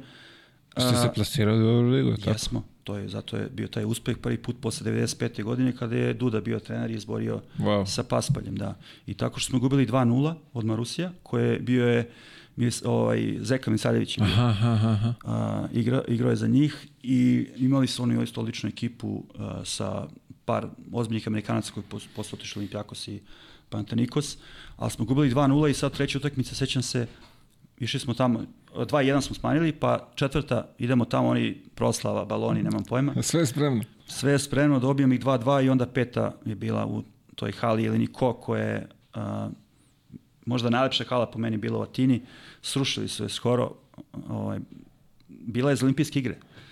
I tu je Ginobili dao onaj koš a, o, o tablu protiv nas, ako sećaš. To je Da, pravilo da. da. kao I srušili je sad skoro, baš mi onako iznenađenje, ali mi smo tamo igrali a, te sezone a, i naredne smo igrali Euroligu isto tako.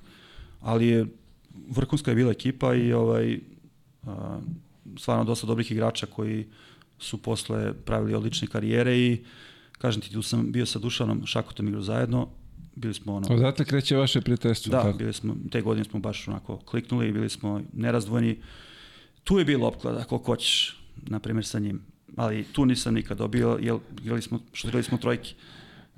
To je, znači, nema šta da tražiš. Da man daš, ne znam, 10, ono, iz 10 koliko, koliko ubaciš, i daš 8 ili 9, kao to je to, znaš, ne, to je, to je najbolji šuter s kojim sam igrao, bez dileme možda, ajde ne pretjerujem, ali u pet sigurno u poslednjih ne znam koliko godina, na toj poziciji bar, da tako kažem. To je ruka... Pazi, pričaš o četvorci. Ne Četvorci. pričaš o onom Da, kao četvorci. izrazitom šuteru ne, beku. to je, mislim da on to ima prirodno, ali uz rad naravno koje je pravio, on je imao vrhunsku karijeru, ali taj šut koji on imao, to je stvarno, ja ne znam da sam video takav šut, izbačaj, brzina izbačaja, i, znaš, nije on, nije on imao skok šut, znaš, ali kako je on diže i to, ja sam svedok, pa znam i postoje, naravno, to je imao narednih godina kad je igrao za, ja, i, i kad se vratio Pantanikos i kad je bio u Ajku pogotovo i posle u Španiji, ovaj, nerealan šuter je bio, stvarno. Znam da sam ga iskvalio dosta, ali stvarno, stvarno tako. E, sad si spomenuo razne igrače ovaj, tu kroz, i kroz karijeru i ovamo i namo. Ko je bio najteži protivnik za čuvanje? Pri Pa tome bilo ih je trojica, mogu vrhunskih. ovako ti navedem. Dvojica najteže za čuvanje su bili Skuni Pen i Miloš Vujanić, bez dileme. Znači, njih dvojica su bili, ono, ne možeš da im priđeš, znaš. Dobro, Skuni je bio i jak i brz, a Miloš pre tih povreda koji imao isto bio no, vetar, bukvalno, znači nisi mogu da mu priđeš i oni su bili ubedljivo. Ja sam, ono, tih godina pre tih povreda je bio sam i spremniji i tako dalje i mogao sam da pratim našu odbrani dosta toga i bio sam solidan u odbrani eh, kad sam bio FNP-u. Sećam se sam nešto isto full court i to kao pritisni Da, da. njemu. Ne, ne, ne, nisi mogao da mu priđeš, znaš. I bio je, znaš, i znao da izvuče faul i tako dalje. Tek onda kad izvuče faul, povuci se nazad. Tako da nije bilo lako čuvati ga. Njih dvojica, a najbolji, sigurno protiv koga sam igrao je ovaj Dimantidis. To je, to je moje mišljenje. Šta ti kad čuvaš Diamantidisa? Šta, šta da Pa ne, on je, očekuješ? znaš, ja, kao što sam rekao malo, prepomenuli smo triple-double, znaš, ja volim kad je nešto kompletno, znaš, kad je, ja sam inače perfekcionista po prirodi, tako da, ovaj, a, taj, on je po meni imao sve aspekte igre, znaš, i sad ti kad njega čuvaš, Znaš, on je na sve to bio je ovaj bio nezgodan, bio je nije bio je prljav igrač, znaš, nije on ovaj bio sad svećka, ali je a, s, znaš, kad vidiš to je takva klasa da, da je on bukvalno mogao da radi šta je hteo na terenu. Znaš, i veliki, visok, mogu da igra i su Tako ga džabe zvali ruke, 3&D. da. Duge ruke i... Duge da, ruke, pa tako kad se pojavio to Iraklis, to si, kad sam ti pomenuo malo pre, to si tad mogao da vidiš. Duge ruke, a, vidi sve, znači imaš pick and roll igrača koji može da pas gde hoćeš s tom visinom i koji on imao, on je bio veliki, znaš, visok, ovaj, duge ruke, daje pas, vidi sve, pametan, low post, šut, ono, pobednik, hlač, šta hoćeš, odbrana, da ne pričam, ono, krade, osjećaj, kompletan igrač. Mogu da, meni je najbolji igrač najkompletniji, ja tako to gledam. Vidi, to ti je ono, izađeš na teren i šta sad? Znaš, i on, ono, osetite malo, sećam se da sam ja imao par nekih izgubljenih lopti, kao da li ću da nam, znaš, i loptu ovde ili onde, ne, on je bio najteži za, za meni, u stvari, zajedno najteži i najbolji, da kažem tako, da, da se izrazim. I kad smo kod, kod, kod ovih igrača uh, u, u Železniku, tu je bilo baš onako talentovanih. Koga bi izdvojio tih talenata? Od talenata Vule Mandić. Vule Mandić je Kašin, bio Vule Mandić. vrhunski talent, to ljudi možda ne znaju, on je bio vrhunski talent. Ovaj, uh, naravno imao je on karijeru posle toga i tako dalje i on je u tim juniorskim danima, ja to znam, ja smo mi došli zajedno, bukvalno, on je malo pre mene došao u FNP, tako da sam ja pratio šta je on posle, kako, kako se razvijao, on je u juniorima bio toliko dominantan da to bilo smešno. Znaš, stvarno je, bio je isto, isto taj neki tip, nije Dimantidis, ali Tako opet je, da, veliki, da, da, može da da. radi puno stvari, znaš. Ja generalno volim takve igrače, znaš, koji rade, nije samo jedno, znaš, nego je više toga, tako da je meni on prva Imao je lepršavu košarku, igrao je lepršavu košarku. imao je da. Tako da, da, da, da, ovaj, da, jeste. ga... O, Jeste, ali imao je sve, znaš, dugačak, veliki, ima Tako šut, je, da. Eto, on mi je prva asocijacija za, za, za železnik i za, za talenti koji su tamo bili. Pa pazi, koliko, si, koliko ste vremena proveli, ovaj, da. Pa jesmo Ali neke on voli- preskoke, on isto bio na pozemici par puta, pa se vratio i tako dalje, ali On je u svoje vremeno volio da kaže da je u železnik došao i pre Čovića. ja, vule. Pa vidi koliko je bio i kad je došao, to je stvarno, su njega doveli bre nešto sa, sa koliko godina, sa Ne, deset, došao, koliko? kad, kad, kad sam ga ja video prvi put, kad sam ušao, isto kao što sam tebe video on sa pertlama, njega sam video, znači on je bio, ja sam nisam znao da on može da, da uzme loptu u ruke. On, koliko je bio mršav, znaš, to kao klinac, Pa naravno. da, da, bio je kosti koža uvijek, Bio je da. kosti koža, znači on je 82. To je bilo, imao je 12 godina, mislim. Znači, baš je bio ono, sa dva, ali, da. da, ali posle se on izvukao i to, znaš, on je 2-2. Ali igrao sve, sve pozicije, igrao i playa, sve. Vukica, dobro. Vidjet ćemo ovaj, kako se zove, kako ćemo se razvijati trenerska karijera. Nadam se da, da hoće, ovaj, mislim da zna košarku. Ovaj, Pa vidi, ne sumnjam u, Da. u to, u, u njegovo poznavanje. Sad, Da, da, znaš, 100% Samo sad. što je ovo, aj kažemo, kao i za sve zajebana sredina, pa i za trenera, znaš, pogotovo Jeste. tako kako neko počinje, a, Da. a ima što bi se reklo ovaj, svoje mišljenje i razmišlja svojim glavom, tako da, Da, je malo da, to, to je, to je baš nezgodno za, za ovu sredinu ovde. Želimo mu susreću. Apsolutno. E, odakle izbor Italije posle Grčke dole kad je sve onako potaman? Da. Pa gledaj, ovaj, uh, ta prva godina kad sam, koju sam pomenuo, ja sam ostao sledeće godine, uh, bio je logičan izbor zato što smo igrali Euroligu. Izborili smo na ovaj način koji sam pomenuo. I ovaj, uh, druga i treća godina, ja sam bio tamo tri godine, treće godine sam bio kapiten, mogu da kažem da sam bio omiljen tu u klubu i tako dalje. Ovaj, I uh, prijelo mi sve, pomenuo sam ti malo pre Atina i tako dalje, stvarno mi je bilo uživanje. Uh, I bio sam spreman, iskreno ti budem, da ostanem dugo, znaš, tamo. Međutim, krenuli su problemi finansijski plaćanja i Mhm, tako mhm. to. Ovaj, tako da je to bio jedini razlog što sam ja napustio Panionios te godine. Uh, I ovaj, ostali su mi dužni neki novac i tako dalje, ali sad to da ne ulazim u tu priču i bilo mi malo preko glave toga, znaš. Ja sam tad ušao... Avrio, ali tako beš? Avrio. Ovaj, tako da je, uh, ušao sam u 30, 31 sam tad imao i onda sam rekao, čekaj, znači, znaš, ne mogu da igram Da, da, da, da, na crtu. Da, tako da sam, ovaj, onda mi uvek bila želja da, da, da, da, da igram u Italiji i da odem tamo i bio je super moment. Uh, dobio sam ponudu od uh, Terama, ekipa koja je te godine, godinu pre toga je završila treća, a, sa igračem kao što je bio JC Carroll. On je te godine bio ruki. On je bio tamo. Da, Wow. on je bio ruki u Ja Teramu. kako znam za njega, on je u Madridu. Pa evo, sad znaš i ovo da je on bio ruki u Teramu, doveli su ga s koleđa a, i ovaj, a, on je posle toga otišao u Gran Canariju, pa onda iz Gran Canarija u Real je otišao. I a, to je meni bilo sjajno u, u, u Italiji te tri godine, pogotovo te pre, prve dve, stvarno, stvarno je bilo uživanje, naučio sam jezik isto tako, kultura. Koliko jezika pričaš, izvini? Pa engleski, grčki, uh, italijanski, engleski uh, i da kažem, dosta sam solidan sa ruskim i španskim. Ne pričam i kao ova tri, Bro, ali razumem ih i to mi mnogo pomaže u poslu. to sad te da te pitam, sa, u poslu je te, Mnogo, ovaj, u poslu mnogo mnogo pomaže, lakše. znaš, kad ti kad znaš, ljudi te drugačije gledaju, cene te više, mislim da je bitno da mogu da ocenim Uh, meni to sve, znaš, ja volim da vodim račun o detaljima, malim stvarima, to je bitno kad razgovaraš sa, isto sa igračima i klijentima, da možeš da oceniš gde mogu da igraju. Ja sam imao tu sreću da igram u više zemalja, da vidim mentalitete ljudi, da mogu da znam gde ko može da, da, da što bi rekli, paše i da može da, može da mu odgovara. U tom smislu to je jako bitno i kada pričaš s njima, to je velika prednost, znaš.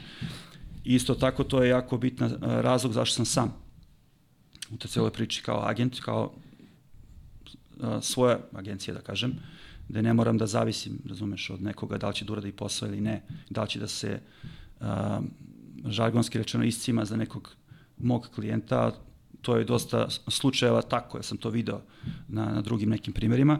I ovaj, uh, uh, pomenuo sam sad Italiju, Italiju i to, da li sam, uh, kako mi je bilo, to si me pitao, da li mi je, ovaj, posljednje te tri godine sam igrao tamo, tako da mi je bilo stvarno fenomenalno i ovaj, ono, Italija je zemlja, zemlja spomenik, znaš, gde god hoćeš, svaki grad ima priču za sebe, najmanji A mogući grad ima pošto voliš istoriju, tako tebi to bilo leglo. super, stvarno, i u tom gradu koji nije veliki, znaš, Teramo je mali grad, ali ovaj, uh, isto prilika da, da upoznam mnogo novih ljudi i novih igrača koji su isto bili ovaj, uh, odlični, tipa Akile Polonara igrao samo te godine ovaj, kao klinac, ali si isto tako mogu da vidiš da ima nešto čudno, znaš, ovaj, ali da, da ima neki faktor duše. Ono što je karakteristično u vezi njega je da nema strah, znaš, to je jako bitno, to se mogo i tada se vidi te godine, kada je bio klinac, ponavljamo je 19 godina tada. Ali bilo je nekih drugih igrača, ovaj, kao što je Drake Dinner, sećaš se uh, braća Dinner iz Sasarja koji su ono osvajali, osvajali titule. Bravo. Ovaj, I to je bila prva godina. A, druge godine sam igrao za Monteganaro, još manji grad od, Terama. Zavisno. Da, ali je... Koji, ajde, veličina grada, šta je to? Koliko, koliko to stanovnika? Pa Teramo je, mislim, mali grad. ni- Ima jedno 150.000 stanovnika. Vidi, pa ja sad ću, kad sam mislio da kažeš 15.000 Pa dobro, za kao Italiju, znaš kad kažeš, Italija je ono veliki gradovi, znaš, nije to sad, Okej, okej. ja kad kažem Teramo, ljudi ne znaju gdje je Teramo, su čuli životu.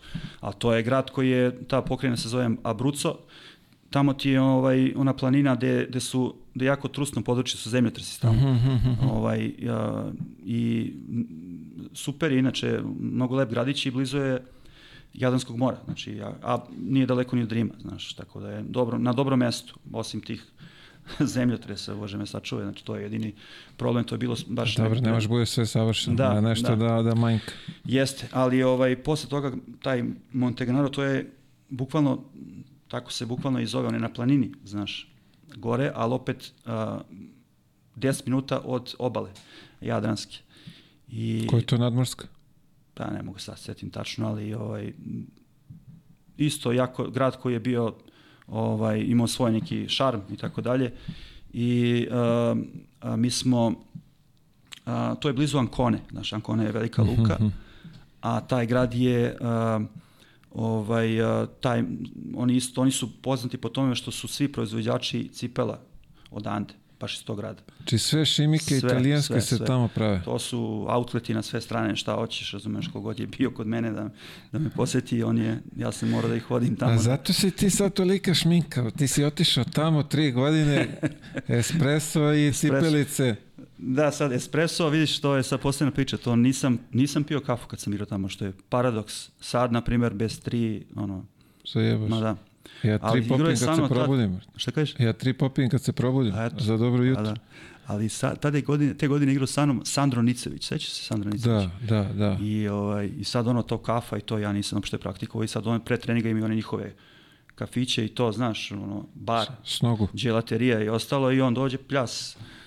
Rekao, šta radi ovo, šta mu ovo znači, znaš, tek sam posle ukapirao šta znači, tako A da ovaj, to je kod njih tradicija i da. kultura, znaš, to je dospijenje kafe i ostalo i mnogo toga je ovaj, za stvarno, da samo se opustiš da uživaš jednostavno. Gde si jeo najbolju pastu? Pa mogu da kažem u Teramu, znaš, ja sam, tamo je inače, e, po meni možda najbolja hrana u tim malim nekim mestima i gradovima, oni to zovu agrikultura, kao odeš Mhm, u neku planinu ili tako to, to je sve domaće, znaš, e, Ok, kapiram. oni, e, zove se uh, ragu, pasta ragu, to je slično kao bolognese. I ovaj, eto tu mogu da kažem da je da mi to najbolje ako me pitaš za pastu. Ali Pizza? svuda. Ma da. Evo, ja ću ti Po- po- reći, pizza. ja, sad ću ti ja kažem da, nije svuda. Gde je, ajde? U Veneciji. U Veneciji. Najgoru pastu Najgore. i picu sam probao u životu. Pa kažem opet mala mesta, znaš, mala mesta, odeš Čija, ono je strašno. Da li oni rade na količinu, veli evo ova, došli ove ovce, dobro, turisti, pa ćemo turist, da im povalimo. da. Kao da su ih izvadili, brate mili, iz Lidla, znaš Da. ono za podgrejavanje, on, e, Jeste, ovaj, to su... nikad odvratnije, ništa nisam... A došli si u zemlju kao da je to oni izmislili, da, kao da, da. ti, Pa ti dobro. sad očekuješ kao to je, a u stvari oni rade tamo da, ne turiste ja, ja uvek kažem za kafu, gde god odeš popiješ kafu, to ne može da bude loše. Ti podeš na pumpu neku, ne znam ja, to je, naš, vrhunski kvalitet, znaš, za kafu, na primjer, a za picu i za, za ovo to već, ne znam šta ti vidi, to je, imaš rekao, to iskustvo, pa sad sam rekao, sad su me na- ono zajebali da odim u Veneciju, nikad više. Da, ali ovaj, što sam teo ti kažem, da, to, to je ta godina u toj, u, u toj ekipi koja je isto imala a, neke igrače koji su bili a, a, različitih nacionalnosti, znaš, bio je, bili su italijani dobri, Fabio Di Bella, ne znam, da se sećaš, italijanski playmaker, pa Pričaš za Veneciju? ne, za Monteganaro. Aha, aha. A, pa je bio ovaj, braća Ivanov, blizanci a, iz Bugarske, Najpoznatiji bugarski najpoznatiji rivači, košarkaši. Njegov otac je bio uh, uh, poznati rivač, znaš, najbolji ikada u istoriji. I oni su sve poteze pokupili od njega. Uh, stiče ovoga dole Da. pod koš. Čas posle te... To, to te obrne, znači levo, desno. Oni su imali, ne znam koliko, oni su pravili, kunimti se, imali su oni naravno svoje kvalitete drugi, ali su pravili karijeru na tim skokovima ofenzivnim, znaš. Obrnete, okrenete jednom nogom, presvučete ovamo, namo. Znači, to je bilo, neverovatno su se postavljali, znaš. Imali su, naš, te pokrete dole na low postu, mnogo toga su naručili, to su mi rekli, znaš, ovaj, pogotovo ovaj Dejan. Sa nisam bio cimer, pa kad odvrnem bugarsku muziku, šta je to bilo, znači to je isto... Dobro, vidi, tad nije bio, ovaj, nisu provali tad u Vasku žabatu. Nisu imali. Bio je onaj Aziz, sećam se, to mi je, maltretirao me. Sam. Jaj, da. Da, to mi je ostalo ovaj... Uh, Dobro si rekao, onaj, ne znaš šta je. Ne, da. Ono u stvari. Da, da. Ovaj, bio je onaj vrhunski igrač isto, Francus, ta, Tarik Kirksey se zvao. Uh, Francus, Amerikanac Francus u stvari. Tako da, dosta zanimljivo iskustvo ovaj, u te godine i onda sam poslednju godinu odigrao u Veneciji. I sada si nadovežen ono što sam ti rekao malo pe za trenere. Znači, o nacionalnosti koje sam imao, znaš, u Italiji sam imao Italijane, imao sam Izraelca, Sharon Druckera, koji je vodio Hapel, kad smo igrali, sećaš, bravo, bravo. ovaj, te godine. A, I onda sam imao Špance, imao sam Litvance, Srbi, a, Bosanci, a, Grci, ko još, a, još nekog si imao, setit ću se, ali baš onako dosta toga što mi je pomoglo da opet Imaš shvatim... si i Crnogorce isto, to, to je isto nacionalnost, bravo, tako, tako nemoj je, zaboraviš. Jest. Ovaj, to mi je pomoglo. I Rusa sam imao jedno vreme ovamo u, u, u Rusiji kad sam bio. Tako da dosta toga mi je pomoglo da sad, znaš, mnogo toga je ovaj, povezano sa ovim Da, poslom da. kojim radim. Lepo si to ovaj, skotsko sve. Da, Od jezika, trenera, konekcija, tako da, da, svaka da, čast. Da, da, jeste, hvala ti, jeste, stvarno je tako. Pazi, ja po- poznajem onaj popriličan broj tih nekih menadžera, ali ne da baš svi pričaju po, po 3-4 jezika. Jeste, pa kažem ti, mislim da je da je to velika prednost i za bilo koga, ne za sad za mene kao agenta, nego generalno za, za ljude, znaš. Da, da. Stvarno je veliko bogatstvo i nisam ja prvi sad koji zna neke sad više jezika, ali sigurno da mi do- doprinosi u, u poslu kojem, kojem, kojem radim ovaj, i iz mnogo razloga, tako da ovaj, pogotovo, ne znam, u Italiji, naš italijanski jezik je, stvarno prelep. To je, mislim, Pitko za uši. Da, i mislim da nije težak da se nauči, znaš. Poenta je da moraš da pričaš non stop, da ne gubiš ovaj, taj osjećaj i sve što, što treba da imaš. Tako da, to je to. I onda, poslednja godina u Veneciji, a, bio si tamo, loša ti je pizza i tako dalje, ali ovaj, a, to je realno klub koji isto ima veliku istoriju. Raša Radovanović igra za Veneciju, a, Praja Alibagić i tako dalje. Tako je. I uh, ovaj, te godine uh, sam imao trenera Andrea Macon, italijan, on je vodio Meš Veronu kad su igrali sa Zvezdom.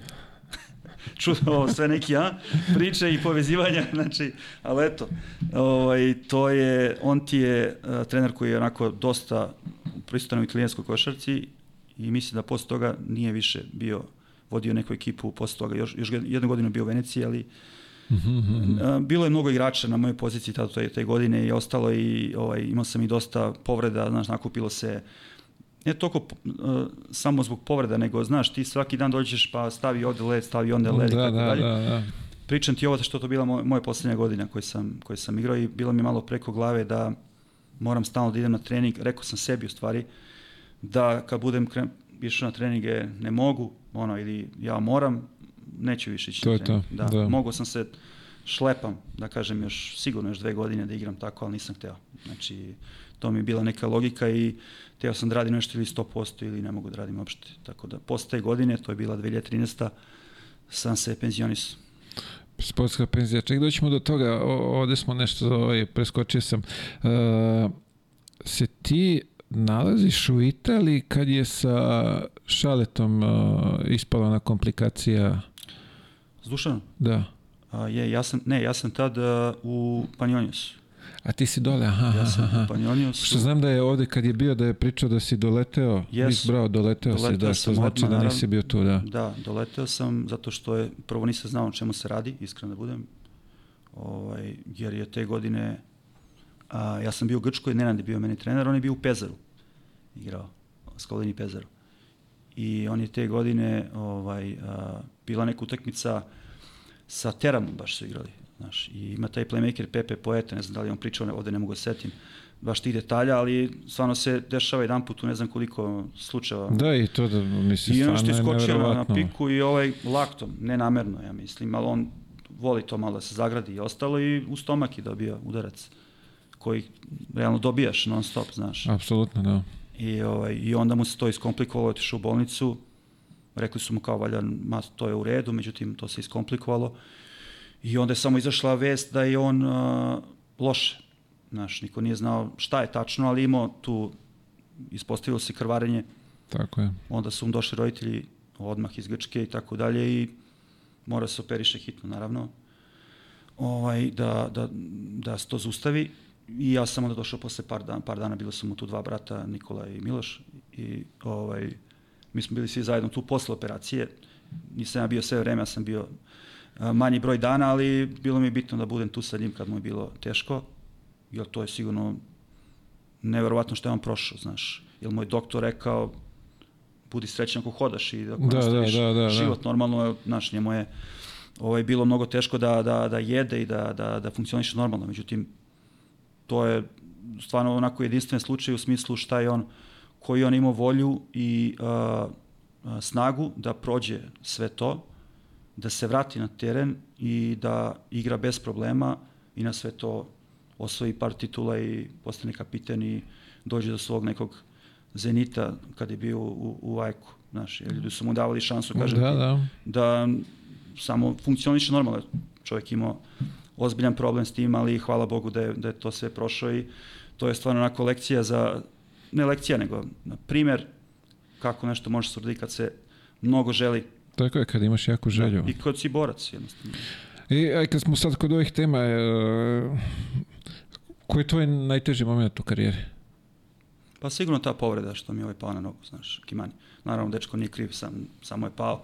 Međutim, znaš, ja sam tad nekako i to vidim iz ove neke, neke perspektive kada je sve prošlo, da li je moglo, znaš, više ili manje i tako dalje. Mislim, ja sam zadovoljan sa svojim karijerom, ali kad je, tad sam nekako bio u Zenitu, sećaš se te godine, igrao sam stvarno dobro i tako dalje, bio sam spreman uh, i mogu da vidim razliku tada i narednih godina, mada sam ja uspeo da budem u Italiji, u Grčkoj na odličnom nivou da igram, znaš.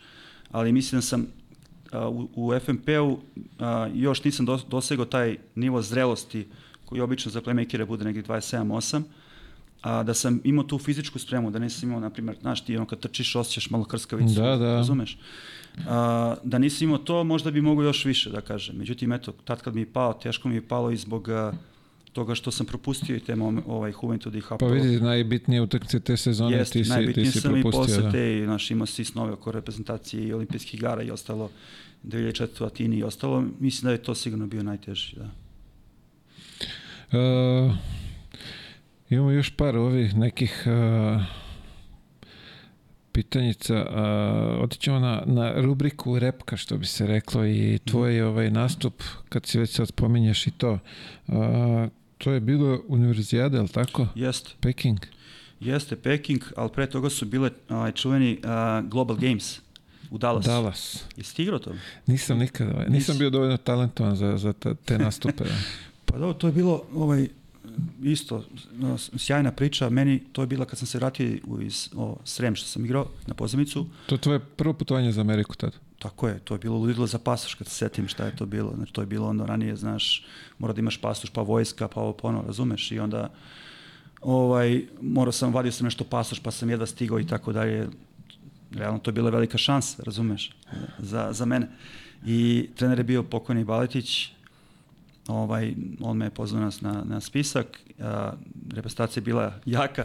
Tu imam jednu anegdotu sjajnu za tu priču, sad si me podsjetio. Vidi, voljni smo da čujemo sve anegdote. Da, i, ovaj, i Bale je bio onako, znaš, bio ti je trener Nije, nije. A niti Ne, nisam. A ti si samo Nije. ovaj, Tako je, da, nisam ja sa baletom nikad radio. bio je jako ovaj, čovjek koji je onako voleo da radi puno sa, sa uh, igračima i tako dalje i bio srčan, znaš, voleo da, da, da, da pobedi i ostalo. I ovaj i sad mi smo igrali, uh, to je bila tu je bilo Miloš Vujanić bio u toj reprezentaciji. Uh, i igrali smo prvo taj Global Games u Dallasu. Uh, je, je bilo i ovaj uh, finale je bilo sa ovim uh, Litvancima, to smo pobedili, a, a pre toga smo igrali kao ne, neku revelnu utakmicu sa Amerikancima, znaš, neka njihova selekcija. Čekaj, ko je, stani, stani, ti, Vujke, ko je još bio tu od... Steva Načvi, Steva Načve, Aškrabić, Aške, a Radman, je li tu Radman? Nije, Nije, nije bio Luka. Vučinić, bravo. Da, a, ko je još bio? Sjetit ću se posle, da me ne zameri neko, ali ovako ovih se sećam prvih.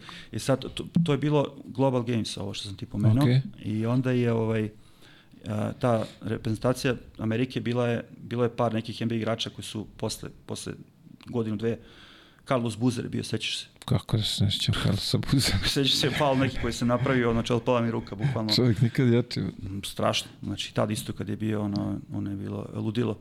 Ovaj, s njima smo igrali, držali smo se dobro, su ušli u neki pressing, sećam se. I to je bilo to.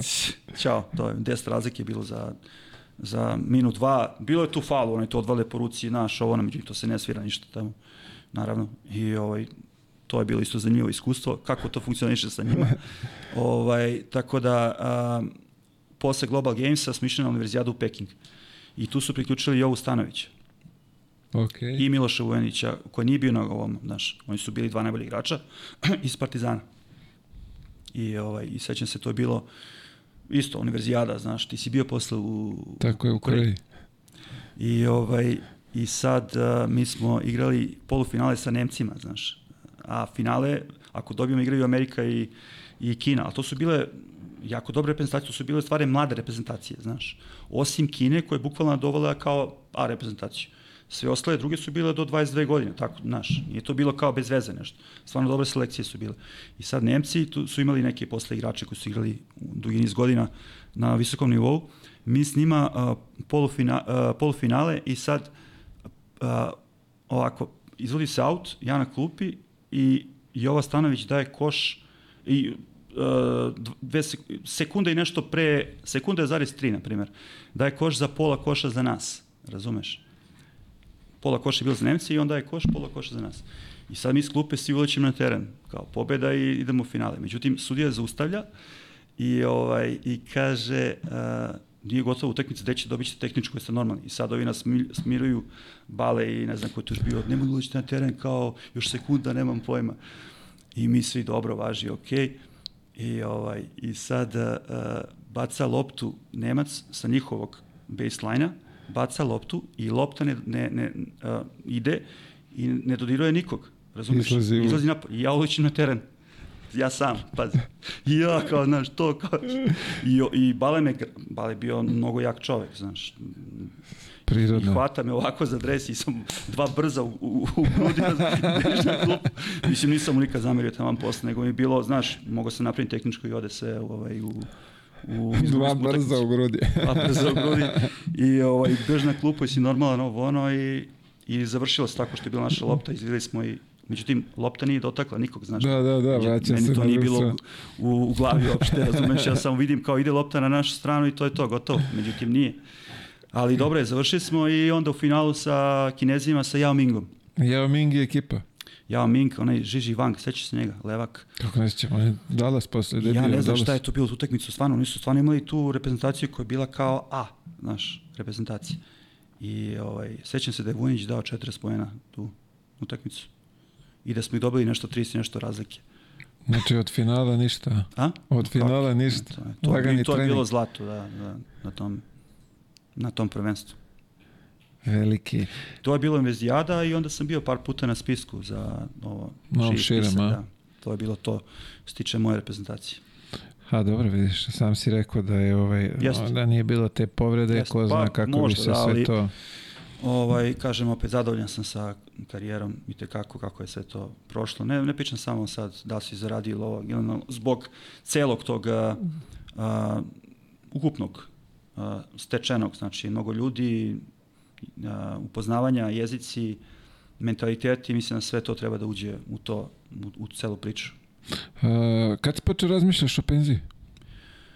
Pa te godine poslednje, iskreno da budem u Veneciji, Venecija. ja nisam, ja sam, kažem, opet mogu da odigram još nešto, sve me nekako bolelo, međutim te godine je ovaj taj trener Ma, Andreja Macon s kojim sam ono super smo ovako, međutim, napravio onako rusve po ekipi, u smislu mnogo bekove bilo, znaš. Aha, aha, aha. I ovaj, bilo je tri Amerikanca, bio je Massimo Buleri, uh, Italijan i ja. I niko ni tu imao nešto da igra mnogo. I tako kad uđeš te godine, 34, znaš, sa svim tim povredama i ostalo, malo ti bude, ono, da li sad šta treba i tad sam krenuo. I međutim, tad sam, krenuo, tad sam znao isto da ću biti u košarci sigurno i Jesi znao šta ćeš, Pa, ono, jesi imao plan? Pa, gledaj, bilo mi je u glavi da, da bi volao da... Ja naravno nisam tad znao kako to izgleda, agentski posao, znaš. Mhm, I kako to šta treba i ostalo. Ovaj, međutim, znao sam da želim da, da, da probam, da vidim kako to izgleda, znaš. I ovaj, bez, bez nekog sad... A, I onda kad sam završio, to je jako bitan detalj, obično mnogo igrača, oni ne znaju šta će kad završi karijeru, znaš. To je veliki problem. Jel ti uđeš iz nekog ritma gde si trenirao, pogotovo ako si trenirao jako i ko si ti ceo život bio posvećen tome, uđeš u neki ritam gde nema više toga, puf, znaš, nestalo. I šta sad? I ko nema taj plan može da bude onako ovaj, teško, pričam mentalno da to prevaziđeš. Uh, ja sam znao šta ću odmah posle toga, tako da sam, ja sam ušao kao neke pripreme da probam još godinu dana nešto ovo ono.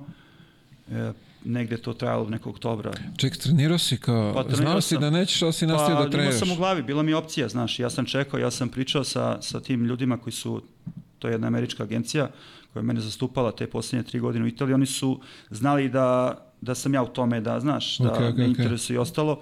I ja sam s njima razgovarao u toku te poslednje karijere i rekao sam im da možda postoji ta mogućnost, tako da sam ovaj, imao to kao opciju i tako se i desilo u oktobru ili novembru mesecu, ne mogu setim tačno, sam ovaj, a, odlučio da definitivno prestanem da krenem da radim kao agent. A, kad si završio, je li ovaj, posle, ok, u novembru si rekao da nećeš definitivno, ali ti nedostaje ovaj bandaža, treninzi, I sastanci. mogu samo ti kažem da sam, ljudi često me to pitaju, da li si da igraš basket i to? Ne. Ne, stvarno, stvarno, a, treniram da, trčim, radim vežbice neke i ostalo, ali a, Sa loptom ne. Gledaj, ja obožavam košarku, znaš, to mi, to mi je život, razumeš, ono što bi rekli, svaki dan mi je, ono, to mi je obsesija. Međutim, da je uzmem u ruke kao sad ću da igram nešto, ne, mislim da je to povezano zajedno sa koliko sam trenirao, a stvarno sam mnogo trenirao, a i koliko sam povreda imao, znaš. I možda mi to ostalo negde u glavi kao ja moram sad, znaš, da Da, da, polećem da. ovo i ono, nemam to zadovoljstvo. A s druge strane imam mnogo veliko zadovoljstvo da se, da se bavim ovim što, čime se bavim. Mislim da su to dve različite stvari skroz. Totalno, ovaj, što bi se reklo, ra- razumno. E, daj nam savjet za mlade. Za mlade. Pa evo, mi smo dotakli neke teme, za ne? Ovaj, Prošli smo svašta, ali jest. onako da je nešto što bi se reklo da Da, sumiramo utiski. vidi, ono, ono što je najbitnije, mislim, nije nikakva fraza, rečeno je milion puta da nećemo ništa novo reći, niti ni ja, da bez teškog rada nema ništa. Znači, možda budeš talenat, kogod hoćeš, u nekom trenutku ćeš nestati. Znači, da će to biti sa 17, 18 ili 21, pogotovo u tom prelazu kad ideš iz juniora u a, seniore, to je jako a, onako škakljivo, što bi rekli, tu mora da se vodi računa mnogo. A, mislim da treba da ovaj, a, vode računa o, o sebi, o svom telu, ako žele nešto da naprave u karijeri, da se vode time, to nije lako, ne može svako to da uradi. Ovaj, a, međutim, ako imaju cilj, ako se vode time, sigurno će vidjeti rezultat svog rada posle nekog vremena, to je 100%, pre ili kasnije. Naravno, ja uvek kažem, i to isto kao fraza, ali moram da je ponovim 100 puta, da je posle zdravlja najbitniji tajming, mora da bude na pravom mestu u pravo vreme, to će im olakšati situaciju, ali opet kažem, a, ako a, veruju u svoj rad i treniraju a, jako, a, dobit će šansu da, da to izađe taj rad na, na a, videlo, što bi rekli. A, kad, to je sad pitanje vremena. I, ovaj, i tu bi se isto, znaš, ne bi se nadovezao samo, rekao bi isto za trenere, ovaj, pošto to nismo pomenuli, Uh -huh. ovaj, mislim da to isto, pitao sam za mlade, a i za trenera isto imam neko mišljenje ovaj, o tome. Ja rekao ste zastupam pet njih, petoro. Najveće ime sigurno Dragan Šakota koji je ovaj a, vrhunski trener, to, to mora da se pomene, bez obzira što je sad, da kažem, u godinama, međutim, on je u prethodnih uh, tri godine pogotovo pokazao šta može da uradi na tim nivoima. Ovaj, od Evroligije do ACB-a da je bio prošle godine, ove godine u Ređu Emiliju, izvan, izvanredan posao je napravio. Uh, I oni su, da kažem, isto tako bitni za te mlade igrače, to ću da kažem isto da pomenem. Ovaj, kako će, nema mnogo trenera koji, koji uh, daju šansu mladim igračima, ja ih posebno cenim, koji uspeju to da urade, da ih uh, podrže i kad im ne ide i ovaj, da se drže toga, znaš, jer ima puno trenera koji to kao možda, ali mladi igrači u stvari nije tako, znaš. Da, da. Mislim da je to redkost i treba da se podrže uh, takvi treneri koji, koji to rade. Nema ih puno, ovaj, međutim, oni koji to rade svaka im čast, znaš. I mislim da mi imamo neke trenere mlade koji su, koji su jako dobri. Uh, Šone Stefanović je zanredno trener iz FNP-a, Nena Čanak je odličan trener. Tako da to su ovi prvi koji mi pada na pamet. Sigurno ih ima još, mislim da ih ima još u, u, u ovaj, uh, KLS, što bi rekli. KLS. KLS. ovaj, ali um, um, isto za, za, za trenere, znaš, ne znam da se ti Mile slažeš, meni je uh, definicija dobrog trenera onaj koji uspe da nađe balans, znaš. A, da ne bude ono ovom jedno, a drugom... Da, da, da, da, bravo. Dođe. A prošli smo, vidi, ja sam im, da, ja imam to iskustvo. Imamo iskustvo tako, jeste, da. Jeste, i Na starije, sad, ovaj, kao sve s njima, onda da, okrene da, se da, pa ovaj, da, po mladima. Ne, samo, ne, ne, ne moraju da budu ni stariji, mogu da budu i, znaš, neki drugi koji su zvezde, pa sa zvezdama, e, ne mogu ovako, a s ovim, znaš, onako. Mislim da je to jako teško balan, naći balans, ali onaj koji nađe taj vrhunski trener. Vidi, to je 12 do 15 ljudi. Jeste, i to treba sve treba biti majstor da, za, da, za izbalansirati. Ali taj ko zna, taj pravi trener po meni, pored naravno drugih kvaliteta koje, koje ima, i zato ih nema puno, zato nema puno vrhunskih trenera, možeš, znaš, onaj ko uspe to da balansira, ko, koji nađe pravu e, sredinu u smislu da bude strog, ali i da te svi igrači poštuju, znaš, ja sam uveren da onaj trener koji pokušava da bude ono, znaš, on će pre kasnije da da ovaj, na grabusi, znaš, i to sam vidio isto, te slučajeve. Ne može da budeš dobar sa svima ha, Mislim, ono, ne, znaš, da mislim, da probaš nađeš svojim jednim sa ovo i drugo, ali, ali ne može to. Znači, mora, moraš da, da stekneš poštovanje od svih igrača, a to je bitno za hemiju ekipe i bez hemije dobre nema dobrog rezultata. To je, to je Absolut. tako. A da bi ta hemija bila dobra, moraš da imaš a, poštovanje u smislu, znaš, ne budeš, sad opet to, da ne budeš previše strog, da ti ekipa blokira, igrači blokiraju zbog te strogosti, a s druge strane da da ovaj ne budeš ni blag, da te niko ne ferma 5%. I zato je ta sredina uvek najbolji način i to ne može svako da uradi, zato je trener treba da bude dobar psiholog i da nađe pravi način kako da vodi ekipu. Evo što bi se reklo, mi smo iskrenuli pažnju. Pa, na njima Mislim, ne, to... nismo mi rekli, to oni ljudi znaju. Ja samo pomenjem, govorim, govorim moje mišljenje, ovaj, šta je, kako, kako ja to vidim i ovaj, diskutujemo o tome u košarci generalno, tako da... Sve jasno kao dan. Pošto si rekao sad ovaj, da dugo loptu nisi uzeo u ruku. Uh. Evo je, sad ćeš vidjeti kako je dobro. Svaka čast. E, ovdje imamo i penkala za tebe. Baci nam potpis. Hoću, naravno, sa zadovoljstvom. Ne znam da znaš, skupljamo potpise, poslije ćemo je dati na aukciju od sredstava koju budemo ovaj, skupili, donirat ćemo u nekom momentu kome bude trebalo. Čekaj, da da stavim brojka. ja kažem, može sad telefona samo, pošto ovaj, brojevi nam više nisu. Je, a i ovdje imamo od Matijaševića, pošto ti sad ova italijanska šminka, kaf, kafica, šal, cipelice crne, ovaj, imamo rock and rose, uh, roze, sad je posle ove kiše, nadam se da će dođu neki topli dani da malo što, što bi se rekla da se ovaj raskladiš, opustiš sa gospođom uz vino. Hvala puno. Hvala. Hvala Do, dobro je vino, nije, nije, nije neki fuš, ne, tako da... Ovaj, da jeste i, da. i na kraju ovako da smo završili, imamo još nešto? Ili... Imamo još toliko toga, A, ali dobro. sada... Onda sam, teo sam te iskalim, ali na kraju ću. Šalim se, ovaj, to nam je, da je vam ovaj, gurnije, što bi se reklo, to nam je to za, za kraj. Uh, hvala te na izvojnom vremenu. Hvala tebi posle... pre svega na pozivu i stvarno evo sad ozbiljno sve čestitke na, na emisiji, na, na bitnim temama. Mislim da je ovo pravi način da se govori o, o svemu generalno, o košarci i o iskustvima. Tako da želim ti da samo nastaviš tako i da nam dovodiš još zanimljivije goste. Pa, vidi, hoćeš kažeš da ti nisi bio zanimljiv? Pa to ti presudi, znam. Vidjet ćemo, hvala mnogo na lepim rečima. Drago mi je ovaj, da pratiš, da eto tako gledaš ovaj, s vremena na vreme neke zanimljive priče. Prošli smo sve kroz ovo, doživjeli smo, zato i jeste verovatno tako zanimljivo. Jeste. Ovaj, sve smo to na neku ruku zajedno doživjeli, tako da Tako je, tako je. prepričavamo ovde, dajemo savete, savete opet.